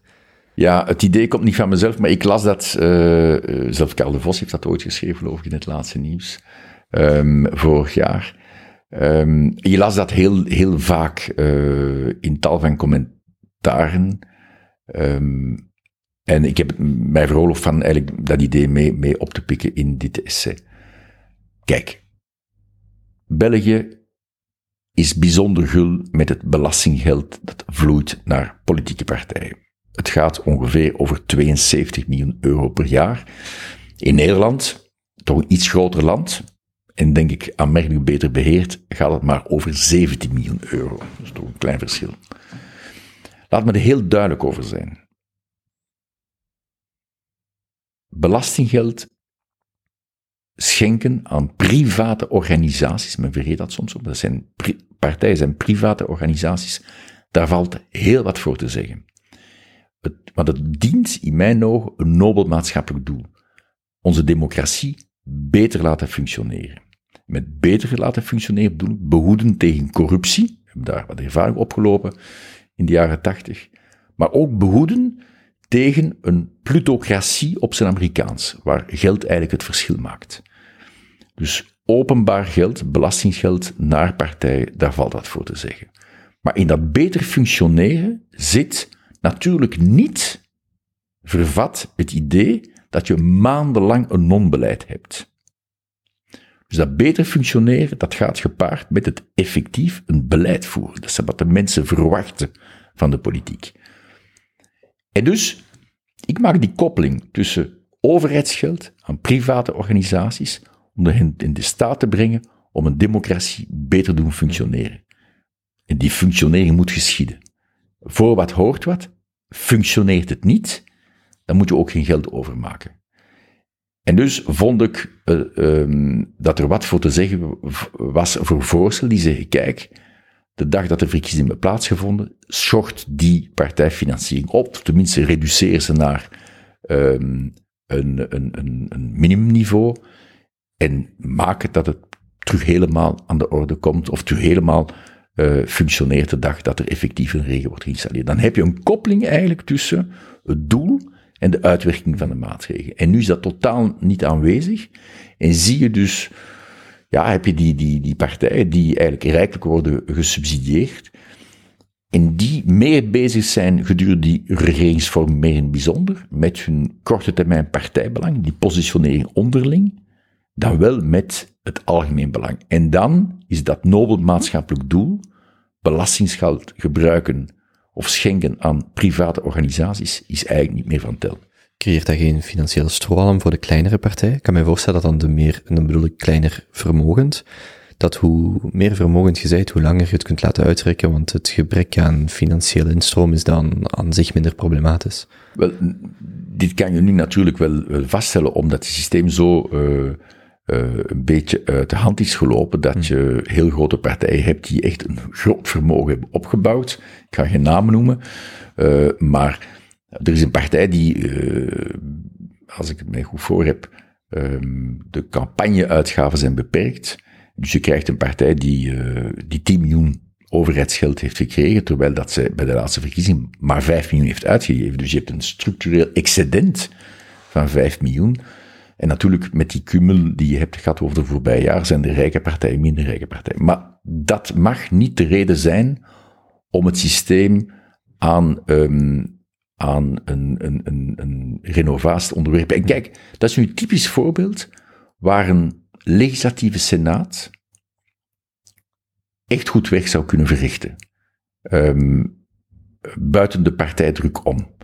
Vandaag de dag heb je een systeem van rechter en partij, waarbij de partijen die wet bepalen, dat geld uitkeren en dan nog eens zelf de controle uitoefenen of het gebruik van dat geld. Want ze, ze, ze bemannen die controleorganismen zelf.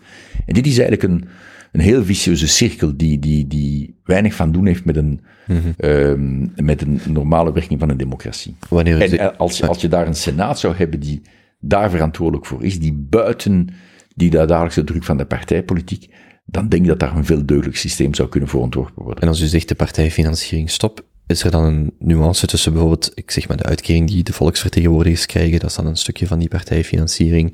Dat is eigenlijk volledig in zijn totaliteit op stop. Uh, nee, nee, nee. nee. De, uh, ministers en volksvertegenwoordigers krijgen natuurlijk worden verder betaald. Het gaat hier echt sec over het geld dat uh, de overheid ja. naar de partijen... De partijen. Maar dat, dat vloeit via verschillende bronnen naar die ja. partijen. Hè. Je hebt rechtstreeks en onrechtstreeks. Maar laten we dan niet... Het is gewoon een principe. -hmm. Zorg ervoor dat... Ja, er is een verantwoording voor dat belastingsgeld dat naar de partijen vloeit, maar dat dient een doel en zorg dan ook voor dat dat doel effectief wordt ingevuld.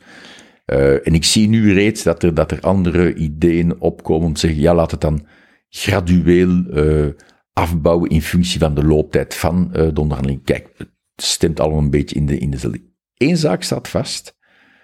Um, ik heb al eens gezegd, ik dacht dat de, de uitspraak van Napoleon kwam, l'argent c'est le. Ik was fout.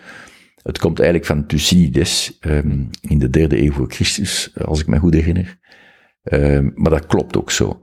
Uh, en dat geldt voor alle geledingen in onze samenleving en ook voor partijpolitiek. Ja, dat is een belangrijk element. Uh, en maak dat deugdelijk, dat je ervoor zorgt dat mensen, verantwoordelijke mensen, zich op een veel constructievere manier gaan uh, gedragen in die heel delicate fase van coalitiebesprekingen. Nogmaals, met een meerderheidskiesel ga je er rapper aan toe zijn.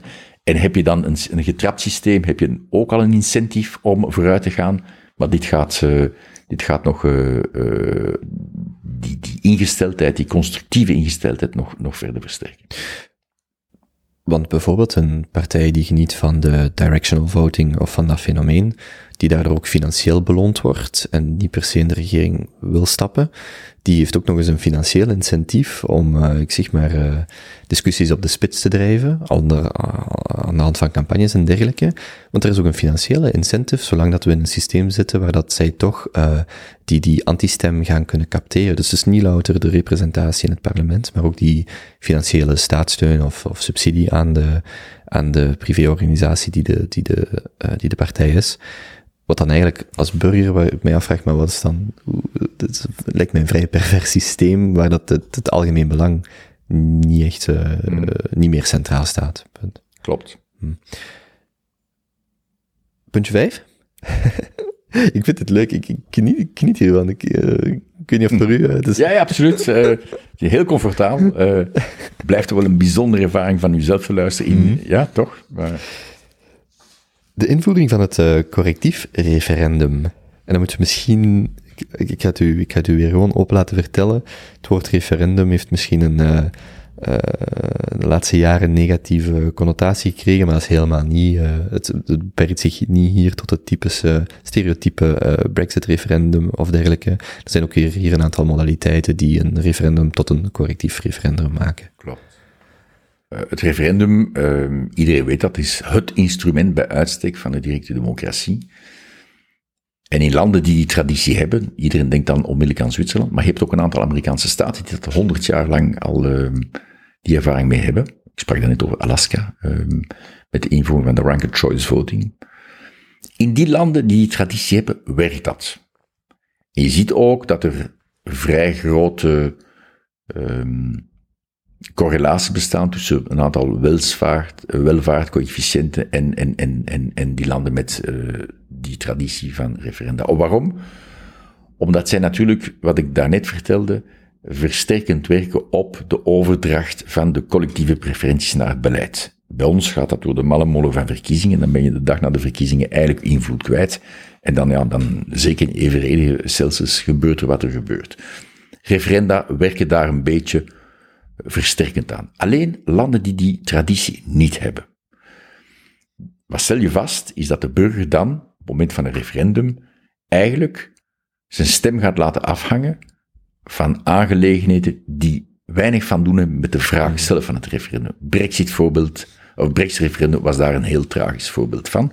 Maar is niet het enige. Je hebt dat gehad in Frankrijk, je hebt het in Nederland, je hebt dat uh, in meerdere landen heb je die ervaring. Dus in die zin moet je daarmee opletten. Toch verdient het referendum een plaats in ons grondwettelijk bestel. Dat is in 2019 op een heel pertinente wijze beschreven door een Nederlandse parlementaire commissie, dus mensen uh, verbonden aan het parlement, de commissie Remkes. En wat stelt die commissie vast? Hè? Ik sprak daarnet over het gemarchanderen, het koehandelen bij het aanmaken van de wetgeving. Wat stelt die commissie vast? Die commissie erkent dat zelf in een land als Nederland het fenomeen van de coalitieregering met zich meebrengt dat er soms door het spel van geven en nemen tussen partijen onderling wetten worden gestemd in het parlement, waarvoor in het parlement zelf geen eigenlijke meerderheid bestaat, en waarbij het zeer de vraag is of dat daarvoor eigenlijk in de samenleving wel een meerderheid bestaat. Ik sprak dat, het meest extreme voorbeeld is wat ik vertelde over, over Israël in de Knesset en, en de fundamentalistische partij, maar ook bij ons bestaat dat. En die commissie Remkes komt daarmee met het idee van het correctief referendum. Wat is een, een correctief referendum? Is eigenlijk een referendum dat enkel kan opkomen tegen een wet of een grondwetswijziging die reeds door het parlement is gestemd, maar alvorens het in werking treedt. Dat betekent dat niet alles open ligt. Je kunt niet de burgers laten vragen van doodstraf toe in te voeren. Uh, Want nee, je kunt enkel opkomen als samenleving of als maatschappij tegen iets dat reeds door, in dit geval de Senaat, want in mijn essay beschrijf ik ook in de, de commissie Remkes, dat de wetten die betrekking hebben op het budgettaire, fiscale, sociale zekerheid, eigenlijk daarbuiten moeten. Het gaat echt over wetten as such en grondwetten. En de bedoeling van een correctief referendum is niet dat je om de haverklap referenda zou houden, want dan ga je eigenlijk de werking van uw representatieve democratie, wat we zijn met een verkozen parlement, dan ga je die, ga je die onder, on, nodeloos uh, bemoeilijken of onderbreken. Dus de, de vereisten voor het voeren van zo'n, of het invoeren van zo'n referendum moeten vrij hoog liggen. Wat je beoogt is in uw grondwet een risico in te bouwen, of het risico in te bouwen dat de burgers wel zoiets zouden aanvragen. En dat moet de politiek ertoe brengen om meer na te denken over wat de verzuchtingen in die samenleving zijn over een bepaald onderwerp, dan eigenlijk rekening te houden met hun eigen partijpolitieke arbitrage, die het gevolg zijn van het geven en nemen en dat gemarchandeer dat je, hebt, uh, dat je te veel hebt bij de aanmaak van de wetgeving.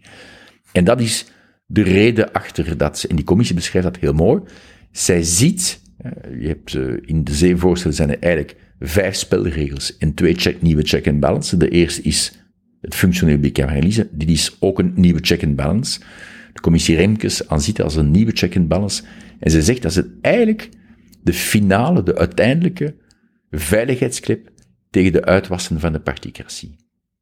Dat een samenleving kan zeggen van, dit gaat voor ons te ver. Wij komen daar tegenop. Maar dan moet je natuurlijk de lat heel hoog leggen, heel veel handtekeningen, enkel opkomen tegen, heel precies aangeven tegen wat je opkomt. Um, en dan, dat is een punt waar ik een beetje met die commissie van meningen verschil. In hun ogen moet de uitslag van zo'n referendum dan bindend zijn. En ik denk dat we uh, fundamenteel in een representatieve democratie leven.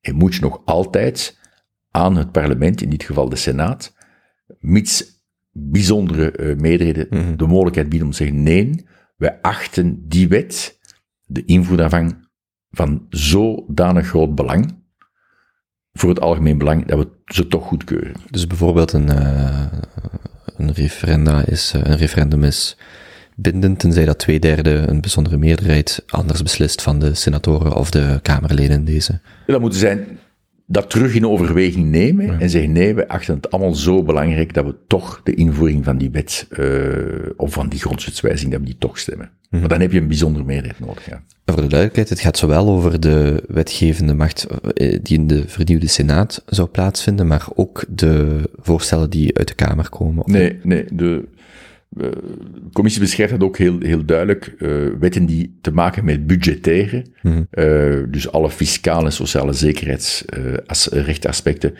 die hou je daar best buiten, want dan, dan weet je, de, die ervaring wordt ook opgelopen in Californië. Als je begint met, met het, het fiscale um, te onderwerpen aan referendum, dan, dan kun je heel verkeerd uitdraaien. Maar dus bijvoorbeeld als er een, ik zeg maar, onze personenbelasting wordt hervormd, of dan, nee.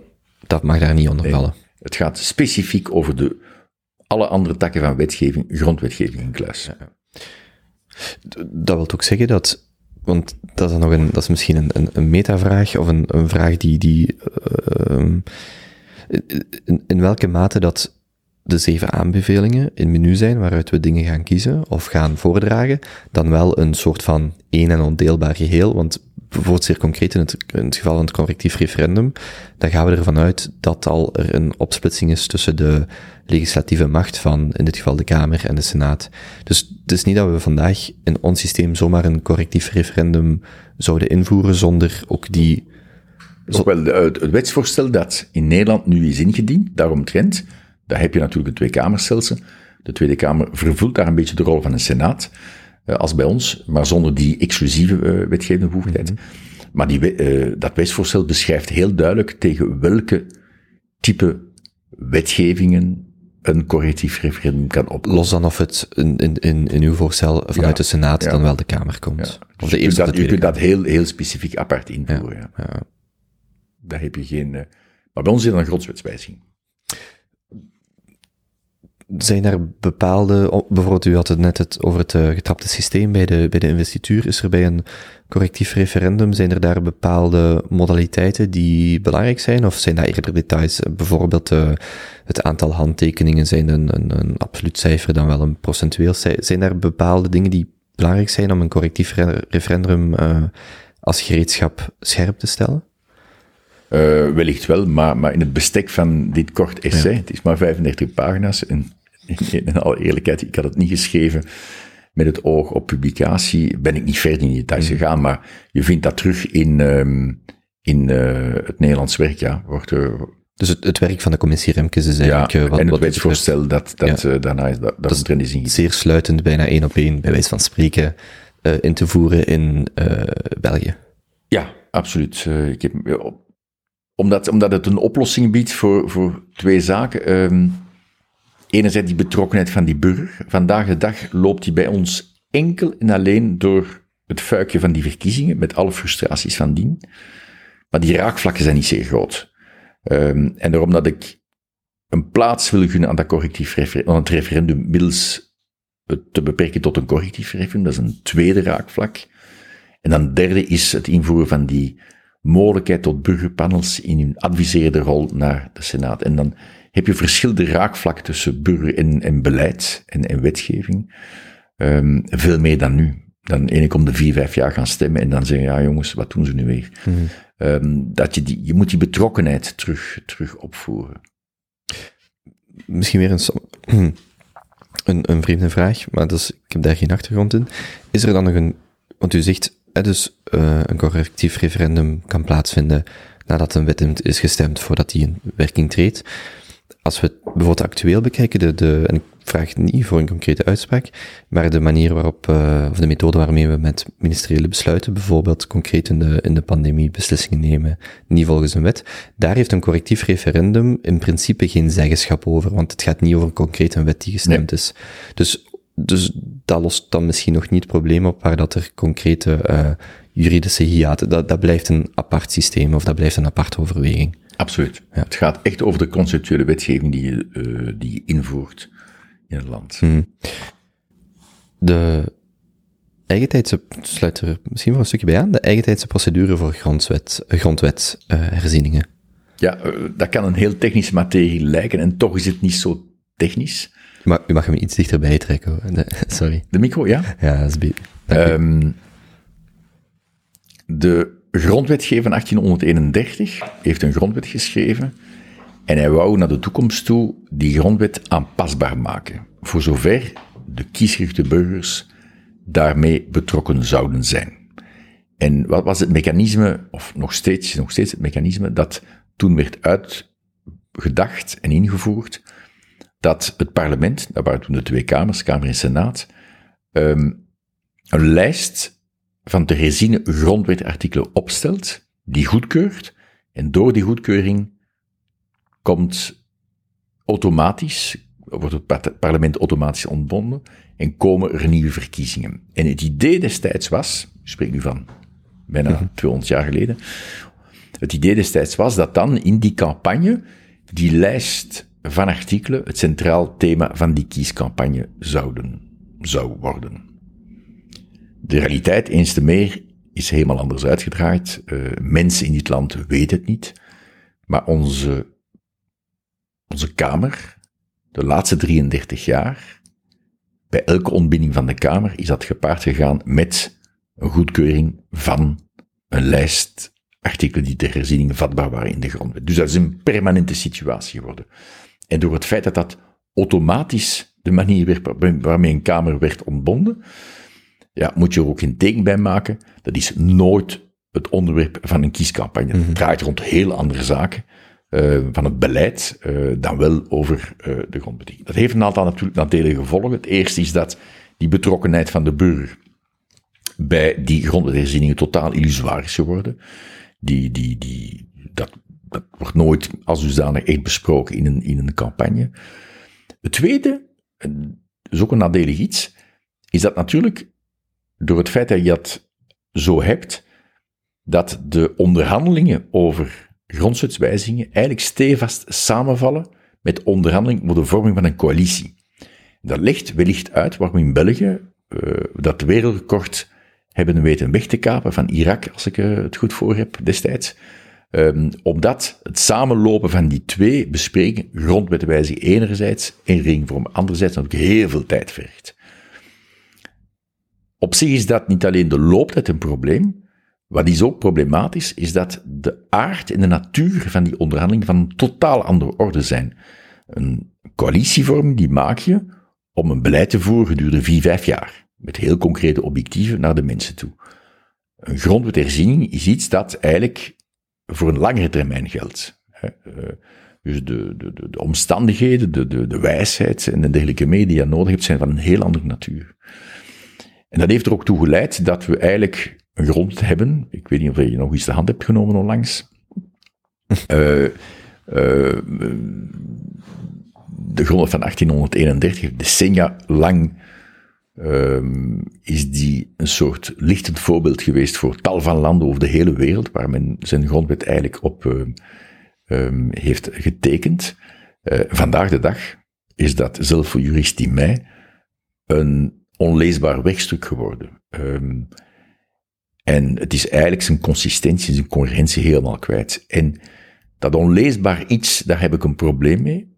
Want ik vind dat leesbaarheid van instellingen een essentiële voorwaarde is voor een gezond burgerschap. Als een burger geen weet heeft hoe zijn instellingen eruit zien en functioneren, dat begint met een heldere grondwet. Of wat de spelregels van de instituties zijn. Klopt. Ik denk dat als je vandaag de dag uh, door de stad zou lopen en aan de mensen vragen uh, even kort te beschrijven hoe de Amerikaanse democratie functioneert, of je vraagt even te beschrijven hoe de Vlaamse of Belgische democratie functioneert, ik denk dat je op de eerste vraag sneller een antwoord gaat krijgen. Hmm. Een helder, een duidelijk antwoord gaat krijgen. En dat is dat, dat ik vind dat heel storend. Dat uh, wij door die, die, die, het samenvallen van die type besprekingen, telkens malen gebeurd over de laatste vijftig jaar heen, ertoe geleid heeft dat we iets hebben dat er eigenlijk niet meer uitziet en de leesbaarheid van die grondwet en dus de instellingen die daarop uh,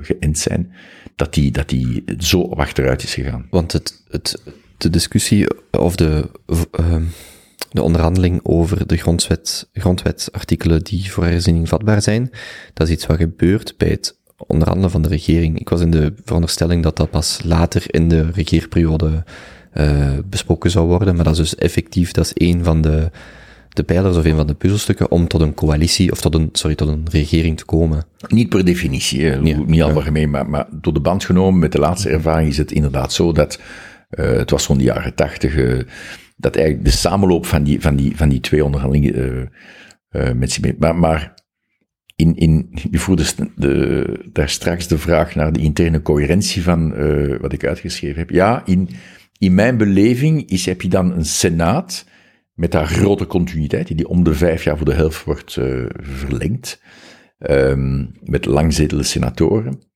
uh, wordt dan eigenlijk de Kamer die de bevoegdheid krijgt om de grondwet mm -hmm. te herschrijven. En dat kan ze op een permanente wijze doen, zonder voorafgaandelijk ontbonden te worden en naar verkiezingen te gaan. En dus ga je daar buiten de druk op van de dagdagelijkse politiek en het beleid, hè, nogmaals, het uit elkaar trekken van beleid en wetgeving, die toch van een andere natuur zijn, um, ga je daar uh, meer ruimte, meer krijgen op een, op een degelijke manier na te denken over uh, de invulling, de werking van uw instellingen. Um, en die betrokkenheid van de burgers, kom ik even op terug, die nu heel virtueel is geworden, ondanks wat er geschreven is in 1831 met die, met die verkiezingen, die moet volgen op die, op die lijst. Wel, die wordt veel virtueler, die wordt veel reëler in, in, in mijn belezing, in mijn lezing, omdat je door de invoering van zo'n correctief referendum de mogelijkheid creëert dat de burgers eigenlijk zeggen van, hm. met dat artikel van die grondwet, daar zijn we het nu eens niet mee eens. En dus, niet omdat je dat om de haverklap, ik herhaal het nogmaals, moet uitlokken, maar wel opdat de mensen die daarmee betrokken zijn, uh, goed zouden nadenken of dat dat strookt met wat in een samenleving leeft, ja of nee. Ik was een, een aantal voorbeelden aan het denken, waar ik om een of andere reden direct aan moet denken, is privacy, dat er mogelijk, ik verbeter mij als er betere voorbeelden zijn, maar waar dat misschien binnen een kleinere groep een bepaalde consensus rond bestaat, die misschien helemaal niet zo breed gedragen is. Ik zeg maar, dat type wetgeving. Maar goed, dat, dat leidt ons ook misschien te ver af uh, van concrete voorbeelden. Um, gaan we, moeten we nog iets toevoegen aan het, aan het laatste puntje van de, de, de, de sanering van de partijfinanciering? Of hebben we dat net eigenlijk afgedekt? Um, ja, ik heb er straks uitgelegd dat ik um, een groot voorstander ben van publieke partijfinanciering, maar dat we toch wel moeten nadenken over het doel dat het dient en het resultaat dat je mag van verwachten en dat we nu heel ver van huis zijn. En dat we inderdaad in zo'n configuratie uh, van een legislatieve senaat uh, de ruimte zal hebben om buiten die rechter- en partijdiscussie te zitten waar we vandaag in zitten, waar de partij, ik kan niet zeggen zelfbediening, is nu een heel grof woord, want zo is het ook weer niet. Maar dat, daar, daar klopt iets niet. De, de, de public governance van dat systeem klopt niet. En ik denk dat de partij die de, de moed heeft uh, om daar heel open over te zijn van jongens, we gaan daar iets aan doen. En dat zijn de krijtlijnen dat, dat op een grote uh, consensus zou leven bij de bevolking. Dat, dat, het wringt wel, ja. Hmm. U, sluit, u sluit het, uh, het essay af met uh, als ultieme horizon 2024. Um, toen, toen ik het de eerste keer las, maar ook als ik het vandaag herlas, dringt zich dan, of dwingt zich dan de vraag op, ja, hoe doen we dat dan concreet? Vooral als burger. Um, nog, wel, zowel als burger als vandaag als lid van uh, eh, de Kamer, eh, dan wel de Senaat. Wat zijn, eh, hoe maken we van dit, of hoe gaat dit van zeven aanbevelingen van één persoon naar een implementatie in onze reële structuur, of om het anders te zeggen, hoe zorg ik dat mijn generatie iets anders erft dan wat er op ons afkomt? Hoe kunnen we dit concreet implementeren? Hoe gaat het verder? Um, dat is een heel goede vraag. Een van de redenen waarom systemen vastlopen, is dat onze politiek, maar je merkt dat nu ook wat er met Nederland gebeurt, zijn hun zelfreinigend vermogen eigenlijk kwijt. Uh, alles loopt vast. Uh, Ehm, alles zit heel sterk samengekookt door die coalitieregering in de schot van de regerende kabinetten daar rond. En dat is heel veel machten samen. En tegelijkertijd leidt het tot paralysie, dus tot onmacht. Ik heb daarnet gezegd bij de, bij de aanvang, uh, dit is misschien een essay dat geschreven is tegen de particratie, maar het is niet geschreven tegen de politieke partijen, laat staan de politici. Ik denk dat onze democratie nood heeft aan grote partijen, absoluut, om een effectief beleid te kunnen voeren. En tegelijkertijd heeft onze democratie nodig aan interne veiligheidsmechanismes tegen de almacht van de grote partijen. Mm. Je ziet dat in Engeland, dat is een meerderheidsstelsel, men noemt dat elective dictatorships. Waardoor dat, want daar zit je aan het andere eind van het spectrum wat je, wat je bij ons meemaakt. In Nederland schreven de commentatoren na de verkiezing van 17 partijen in het parlement. Het is totaal onmondig geworden. De expertise is weg. Hè. 59 nieuwe parlementariërs op de 150. En het duurt twee tot drie jaar om die mensen iets of wat ervaring bij te brengen. En daarna zijn ze weg. Dus die, die, die versplintering en die continue vernieling van die parlementariërs leidt ertoe dat er geen expertise is. En dat dat parlement eigenlijk nog de wetgeving kan aanmaken, nog controleuitvoering op die regering, laat staan iets inbrengen op die hmm. budgettaire uh, beleid. In Engeland, dus, dat, dus eigenlijk de, de, de, de perfecte evenredigheid die in Nederland heerst, leidt tot onmacht van de parlement ten aanzien van de executieve. In Engeland is het anders, daar heb je een first past the post meerderheidsstelsel met een uitgesproken, dus een uitgesproken meerderheidsstelsel, de regering is aan de macht. Maar daar gebeurt net hetzelfde. Daar ontneemt de executieve, omdat zij zoveel macht heeft, uh, in dat, zo'n zo meerderheid heeft in dat parlement, ontneemt ze de ganse macht van dat parlement en gebeurt ook daar, gans het wetgevend proces, essentieel tussen de ministeriële kabinetten. En dan gaat men dat met de nodige partijtucht, ook daar, de whip, gaat men dat doorduwen. En je ziet dat onlangs, uh, heeft tot heel veel kritiek aanleiding gegeven, die, die security law die Johnson wou invoeren, waar vele eh, sancties werden ingevoerd in al soorten toestanden, betogingen, bekladden van openbare monumenten. Uh, ook, dan zie je dat, dat element van elective dictatorship. En hoe los je dat op natuurlijk? Uh, dat is heel eenvoudig. Door dat bifunctioneel tweekamerstelsel waar je die wetgeving en beleid uit elkaar haalt. Um, de bedoeling is dus een bestel terug een continuïteit en stabiliteit te geven, waardoor het politiek terugbeleid kan voeren, met meer oog op het algemeen belang, minder focus op het partijbelang. Ook voor zorgen dat het terug harmonieus functioneert, dat je meer talent weet aan te trekken. Want uh, iemand heeft dat ooit geschreven, uh, dat zwakke instellingen zwakke personen aantrekken, die op hun, op hun beurt dan weer de instellingen verzwakken. En dat is een fenomeen dat zich afspeelt. Uh, Zowel in het bedrijfsleven, maar hier ook in de politiek. Dus dat zijn de uitgangspunten. De politiek ervan overtuigen dat als je de particratie indijkt in haar excessen, op die wijze dat je politiek terug machtig kunt maken. Je ziet dat gebeuren op gemeentelijk niveau.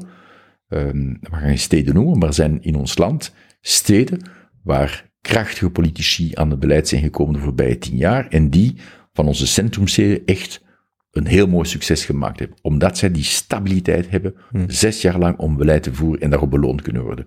Wij moeten dat ook voor zorgen op regionaal niveau, op federaal niveau, dat het terugkomt. Hoe kom je daartoe? Ja, hoe, ehm, hoe ontsnapt je die catch-22 van... Ja, uh, dat is een lange inleiding om op je vraag te antwoorden. Mijn excuses daarvoor. Um, kijk, uh, niet door een nieuwe politieke partij op te richten. Uh, dan ga je het probleem alleen maar vergroten. Ik denk gewoon met, met, uh, met mensen in discussie treden. Ook in uh, mensen uit het bestel. Uh, en, en mijn ervaring van de voorbije maanden, sinds dat het gepubliceerd is geweest, op dat vlak is zeer verrijkend. Um, um, en als je hen wegtrekt, uh, dat, dat vergt natuurlijk een mate van vertrouwelijkheid, omdat ze kunnen nadenken, omdat ze anders heel rap terug gaat nadenken over wat is nu mijn positionering als partij. Hmm. Het meest gevoelig is natuurlijk het, het kiesstelsel. Hè. Een aantal partijen gaan daar voorstander van zijn. En uh, heel veel partijen gaan op hun achterpoten staan van dit overleven wij nooit. Uh, um, en toch moet je, als je echt, uh, moet je de staatsman in de politiek kunnen aanpraten, zeggen, denk na over lange termijn, denk na over het algemeen belang, denk, dit, dit kan, dit bestel loopt vast. Onze democratie is te formeel, of het nu op regionaal niveau is of federaal. Het is een formele democratie geworden waar men eigenlijk die volksverdeling enkel maar gebruikt voor de onderlinge zetelverdeling te bepalen, dus de macht.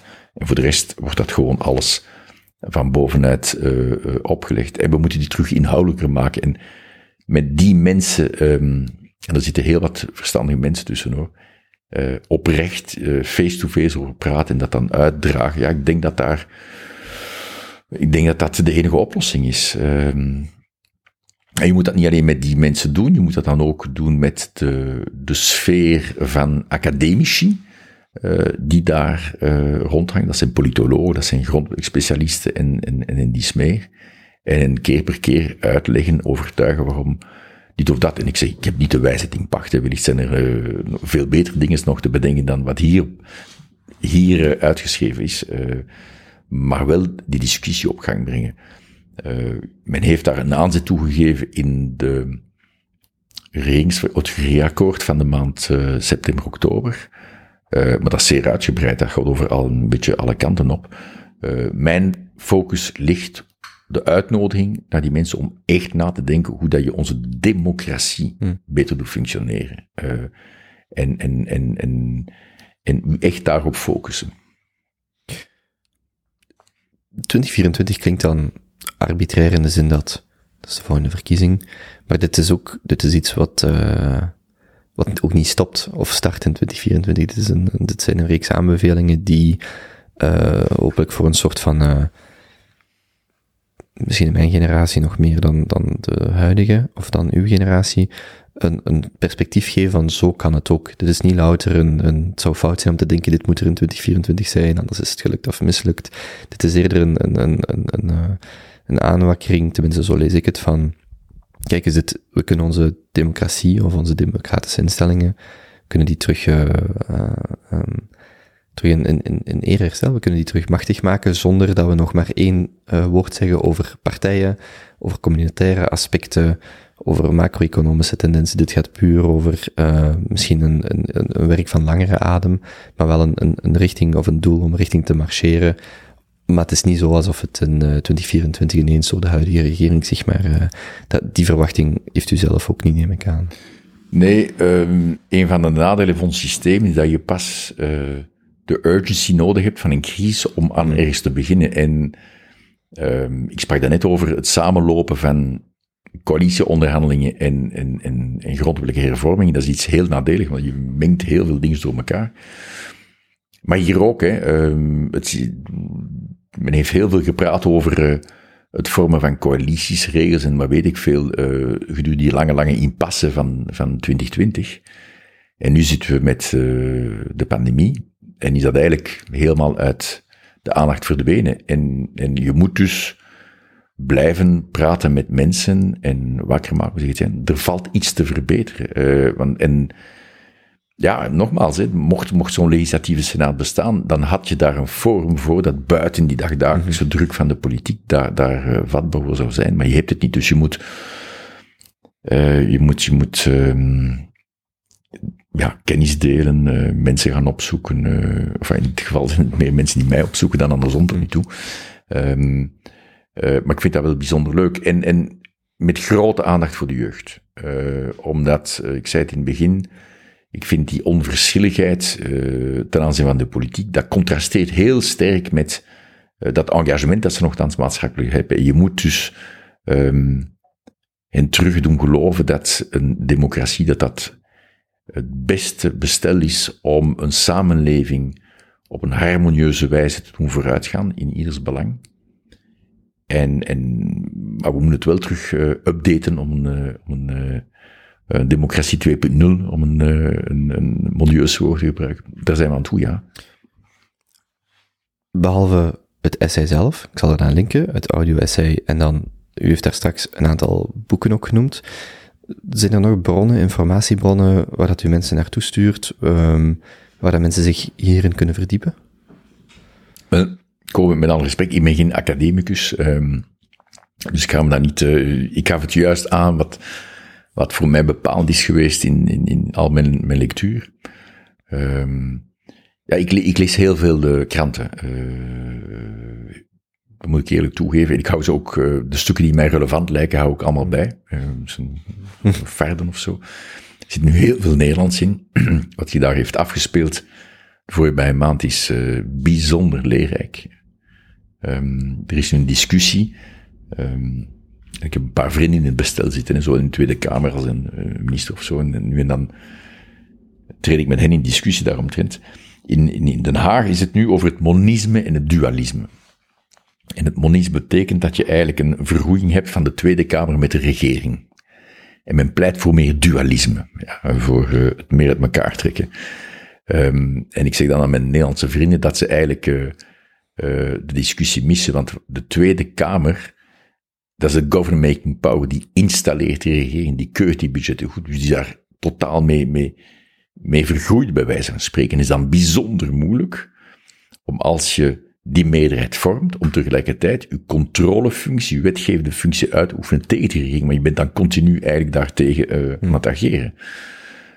En, en dat is iets wat de bevolking ook wel merkt. Dus dat die, die, die partijaanhorigheid, en dus die discussie die ze voeren over monisme en dualisme vind ik heel interessant. Maar ik zeg, jullie hebben zoiets in, in de making als uw Tweede Kamer. Toegeven, de samenstelling kan een beetje beter.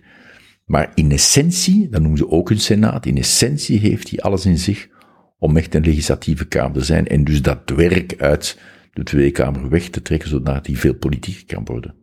Um, en ik vind het heel interessant, want je, ziet de Nederlandse kant een heel, heel interessante stukken daarover staan. Uh, nu heeft de Tweede Kamer het zover gekregen dat zij van de verkenners en informateur eisen dat die eigenlijk al hun werkdocumenten aan de Tweede Kamer voorleggen. Mm. Transparantie uh, heet men dat dan vrij Calvinistisch als je mij vraagt.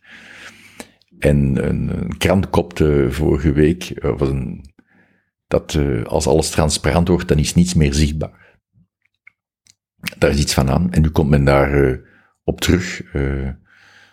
Um, en beseft men eigenlijk dat, het, dat men niet altijd de juiste mm. dingen heeft gedaan. Zo heeft men daar vanuit een democratisch, eens te meer, dat zag er goed uit op papier, de werkelijkheid is dan weer iets anders, heeft men daar eigenlijk de rol van het, van het staatshoofd, de koning, helemaal weggeknipt, uh, een aantal jaren geleden. En, en nu eist men eigenlijk dat uh, de, de mensen die het formatieproces vorming geven, niet meer uit de Tweede Kamer mogen komen, ook niet meer mogen deel uitmaken van de zittende regering. Wie dan wel nog? Maar dat moet iemand zijn hmm. buiten de partijpolitiek. Hmm. Dus is men iemand van 79 jaar gaan heel bekwaam man, daar niet vanaf. Dan schreef ik aan een, aan een van mijn vrienden daar, maar jullie hebben toch een uh, staatshoofd, uh, bij mij voor. Maar ja, je moest daar absoluut iets doen om, um, die monarchie, uh, dat strookt niet met democratie, dat moest, dat moest daaruit weg. En dan heb, heeft men dat gedaan. Wat heeft men gedaan? Men heeft toen aan de voorzitter van de Tweede Kamer, uh, die eigenlijk die rol gegeven die vroeger het staatshoofd vervulde. Het probleem is dat, ja, dat is ook een politicus, of in haar geval een politica. En dan politiseer je gewoon alles. Dus hm. beeld u in dat we uh, na de vorige verkiezing denk ik dat, uh, wie was het toen de Kamer? Ik denk Patrick de Waal was toen de Kamervoorzitter. Is nu toch de Kamervoorzitter? Nee, nu is het een, dame van, van, mm. van uh, een Franstalige socialiste. Maar beeld u dat die dan de rol van het status moet, ja, die, die, mm -hmm. je kunt dat zo, zo, zo doen. Die maakt deel uit van die partijpolitiek, dus die, die neutraliteit, die is helemaal niet gegarandeerd. En dus daar, ik vind dat als je, als je ziet wat zich daar afspeelt, Um, dan is dat heel interessant. Dat is een beetje ook mijn uitgangspunt geweest van het schrijven van DC. Ik heb het over verteld. Laat dat communiceren nu even buiten, want er zijn onderhuids echt problemen over de werking van het bestel die we moeten bespreken en, en, en, en verbeteren. En dat zie je heel, heel, uh, heel duidelijk nu in Nederland gebeuren.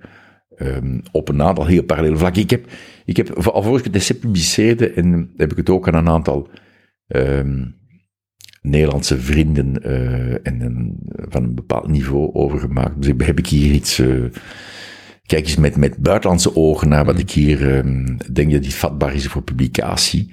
Um, en daar zat dan toch een minister tussen en uh, een volksvertegenwoordiger, een Kamerlid en een uh, heel eminent jurist. En die hebben allemaal geantwoord van dit is eigenlijk voor, voor 80% ook van toepassing bij ons. Um, wij kunnen daar uh, ook iets van opsteken. De problemen zijn dezelfde. Um, de setting is anders, maar uh, eigenlijk zijn die, die, die grote probleem van hoe ga je om met de omzetting van collectieve preferenties naar beleid, hoe ga je dat? Dat is eigenlijk de basisvraag van, van een democratie. Ehm, en je moet dan ook durven erkennen dat er zaken overjaars zijn. Wij, het is altijd hetzelfde. Hè? Wij kijken naar, naar de Amerikaanse presidentsverkiezingen. En je zegt van, hoe is dat nog mogelijk, dat electoraal college? eh, dat is niet meer van deze tijd. Men heeft dat destijds uitgevonden toen er, eh, toen er geen telex was en toen er geen internet bestond en dergelijke meer. En geen vliegtuigen, geen treinen. Dan had je dan natuurlijk dat getrapsysteem van verkiezingen had je eigenlijk gewoon nodig omwille van de, de, de ruimte, de tijd, ehm, die toen anders was als nu. Ehm, en vandaag dat bestaat er nog altijd die dysfunctie van het systeem ehm, spelen. Omdat natuurlijk de popular vote nooit, eh, nooit altijd de bovenaan haalt. Want- en, en we hebben dat ook bij ons, zo'n zaak dat je moet zeggen van, tja, is dat nog altijd van tel? Want dat is ook een van de neveneffecten van het essay, is de, het besef dat het niet is omdat we het altijd zo gedaan hebben, dat we het niet meer kunnen veranderen. Het is niet omdat we een gewoonte hebben in bijvoorbeeld eh, in de VS, wat u net aanhaalt, of bij ons het particratensysteem, dat we dat als waarheid, als een soort van axioma moeten gaan aannemen en daar niet meer een vraag kunnen stellen. We kunnen de dingen effectief eh, Oh ja. veranderen, of de dingen zijn voor verandering vatbaar. Maar nu dat je erover praat, ehm dat kan ik u wel eens mee of doorsturen, of eh, ehm, is een merkwaardige analyse van een eh, Duits-Spaans eh, politicoloog, dat van 1989, de naam is Juan Linz, L-I-N-Z. En hij schrijft een essay, The Perils of Presidentialism, dus de, de, het gevaar van het presidentiële systeem. Het is een merkwaardig essay, want de man eh, schrijft daar heel duidelijk uit waarom de parlementaire systemen eigenlijk veel democratischer zijn in hun werking, veel efficiënter in hun werking dan presidentiële systemen. Dat heeft te maken met personalisering. Dat heeft te maken, ik spreek met rechtstreeks verkozen president. Dus de personalisering, de rigiditeit van het systeem, je bent verkozen voor vier jaar, voor vijf jaar. Je kunt, anders dan bij ons, die eerste minister die kan vervangen worden uh, door een coalitiewissel, dat, dat gebeurt daar niet. Um, en, en, en dus gans die polarisering daarmee gepaard gaat. En merkwaardige van het artikel, uh, want hij heeft dat geschreven in 1989. En het merkwaardige is, als je het leest en je hebt de, de beelden van 6 januari, de bestorming van de Capitool in, in, in, uh, op het netvlies staan. En je leest dat artikel, is heel bizar, want hij, hij wijst op die gevaren. Met de enige uitzondering die hij aanmerkt, is de Verenigde Staten. Uh, dus hij wijst op het gevaar van het feit dat die personalisering kan leiden tot je met fracties en dergelijke mee het systeem bestormt en onder druk zet. En hij zegt de enige uitzondering op, die, op dat gevaar is nu al twee eeuwen lang uh, Amerika. En als je dat dan herleest en je hebt dan uh, het kapitool voor dan zeg je ja, kijk eens aan. Heel goed artikel. Heel goed stuk. Ik verwijs er graag naar voor mezelf en de luisteraar. Christophe, moeten we uh, daar nog iets aan toevoegen? Is er iets wat ik ben vergeten te vragen? Een stukje wat, uh, uh, een voetnoot of nog iets anders wat we daaraan moeten toevoegen? Ik denk dat we ongeveer... hoe, hoe lang zijn we nu al bezig? Twee uur en een half. Kijk eens aan. Kijk eens aan. ik ben uitgepraat. Dat is het zo wat. Ja, hè? Hmm. Misschien als afsluitende vraag, twee afsluitende vragen. Komt er nog een, een, een een update? Komt er nog een, en ik bedoel niet louter een update van het essay, komt er nog vanuit uw kant een soort van uh, voortgezet engagement om deze discussie bijvoorbeeld gaande te houden? Of is het eerder, ik heb mijn ding gedaan, het is aan de, aan de volgende. En ik bedoel dat niet zo plat, als ik het zo zeg, dan lijkt het precies alsof, uh, nu ga ik terug in mijn, in mijn grot. Maar hoe, hoe is dit nu voor u? U heeft het geschreven, u treedt uit die anonimiteit, u komt er af en toe uh, mee naar buiten. Hoe, hoe gaat het verder voor u persoonlijk? Ja, uh, ik blijf beschikbaar. Uh, de mensen die mij daarover aanschrijven. Uh, en, en tja, wat is nu de onderbouw van, van waar je mee zit? En waar je, ja, absoluut. Ik, ik vind het een boeiend onderwerp om het uh, hierbij te laten. Mm. en ik moet ook eerlijk toegeven, als, als ik kijk naar van uw eigen reactie destijds toen je het las. Maar ook de zoveel mensen die mij hebben gemaild. Um, Um, uh, ik vind het wel, ja, uh, dat stimuleert wel. Laten we de, in alle bescheidenheid, uh, het heeft niets te maken met, met eigendunk of zo. Maar het stimuleert mij wel, omdat je voelt dat er een vraag naar is. Uh, om inderdaad. En die vraag voel je zowel uit de bevolking, als je die voelt uit een zekere, laten we noemen, um, het woord elite is niet mooi gekozen, maar uit een zeker, een zeker bevolkingsgroep die dan meer met beleid te maken heeft, in, het, in de brede zin van het woord maatschappelijk, die daar zegt van, daar zijn een aantal dingen waar we iets mee kunnen doen. Als uit de politiek zelf, die zegt van, ja, zo had het nog niet bezien, maar is misschien de moeite om eens over na te denken. En, en um, ik vind dat heel leuk, uh, tot nu toe, althans, om, om dat debat te voeren. En, en, en vooral naar de jeugd toe. Ik blijf hamer op de jeugd. Um, het is een toekomst. Hè. Uh, het gaat over um, uh, een bestel dat wij, en die uitdaging is even groot in, in andere landen dan bij ons. Um, maar wij zitten toch wel met een aantal specifieke problemen, denk ik. En mocht, mocht ik een rol kunnen spelen naar hen toe, of een rol, uh, ergens inspirerend zijn naar hen toe om een aantal zaken in beweging te brengen, dan kan ik alleen maar blij zijn dat ik ben ingegaan op de vraag van Leo Neels om uit de anonimiteit te treden. Ja. Op die noot, dank wel om tot hier te komen. Bedankt voor het essay. En uh, ik hoop dat het nog veel, uh, zowel, uh, dat het bij veel mensen een gevoel zoals het bij mij teweegbracht, mocht, mag teweegbrengen. En ja, hartelijk dank daarvoor. Met plezier. Dank wel, Kobe. Als je geniet van gesprekken zoals deze, abonneer je dan op Spotify of YouTube Geef een recensie op Apple Podcasts of volg me op Instagram, at de Kobe Show. Ik zit ook op Twitter, at Kobe van. Een podcast zoals deze luister ik aan gratis, maar het maken is dat helaas niet. Als je waarde in deze gesprekken vindt, overweeg dan om bij te dragen via kobe.show steun. Zoals altijd, dank om te luisteren en tot gauw.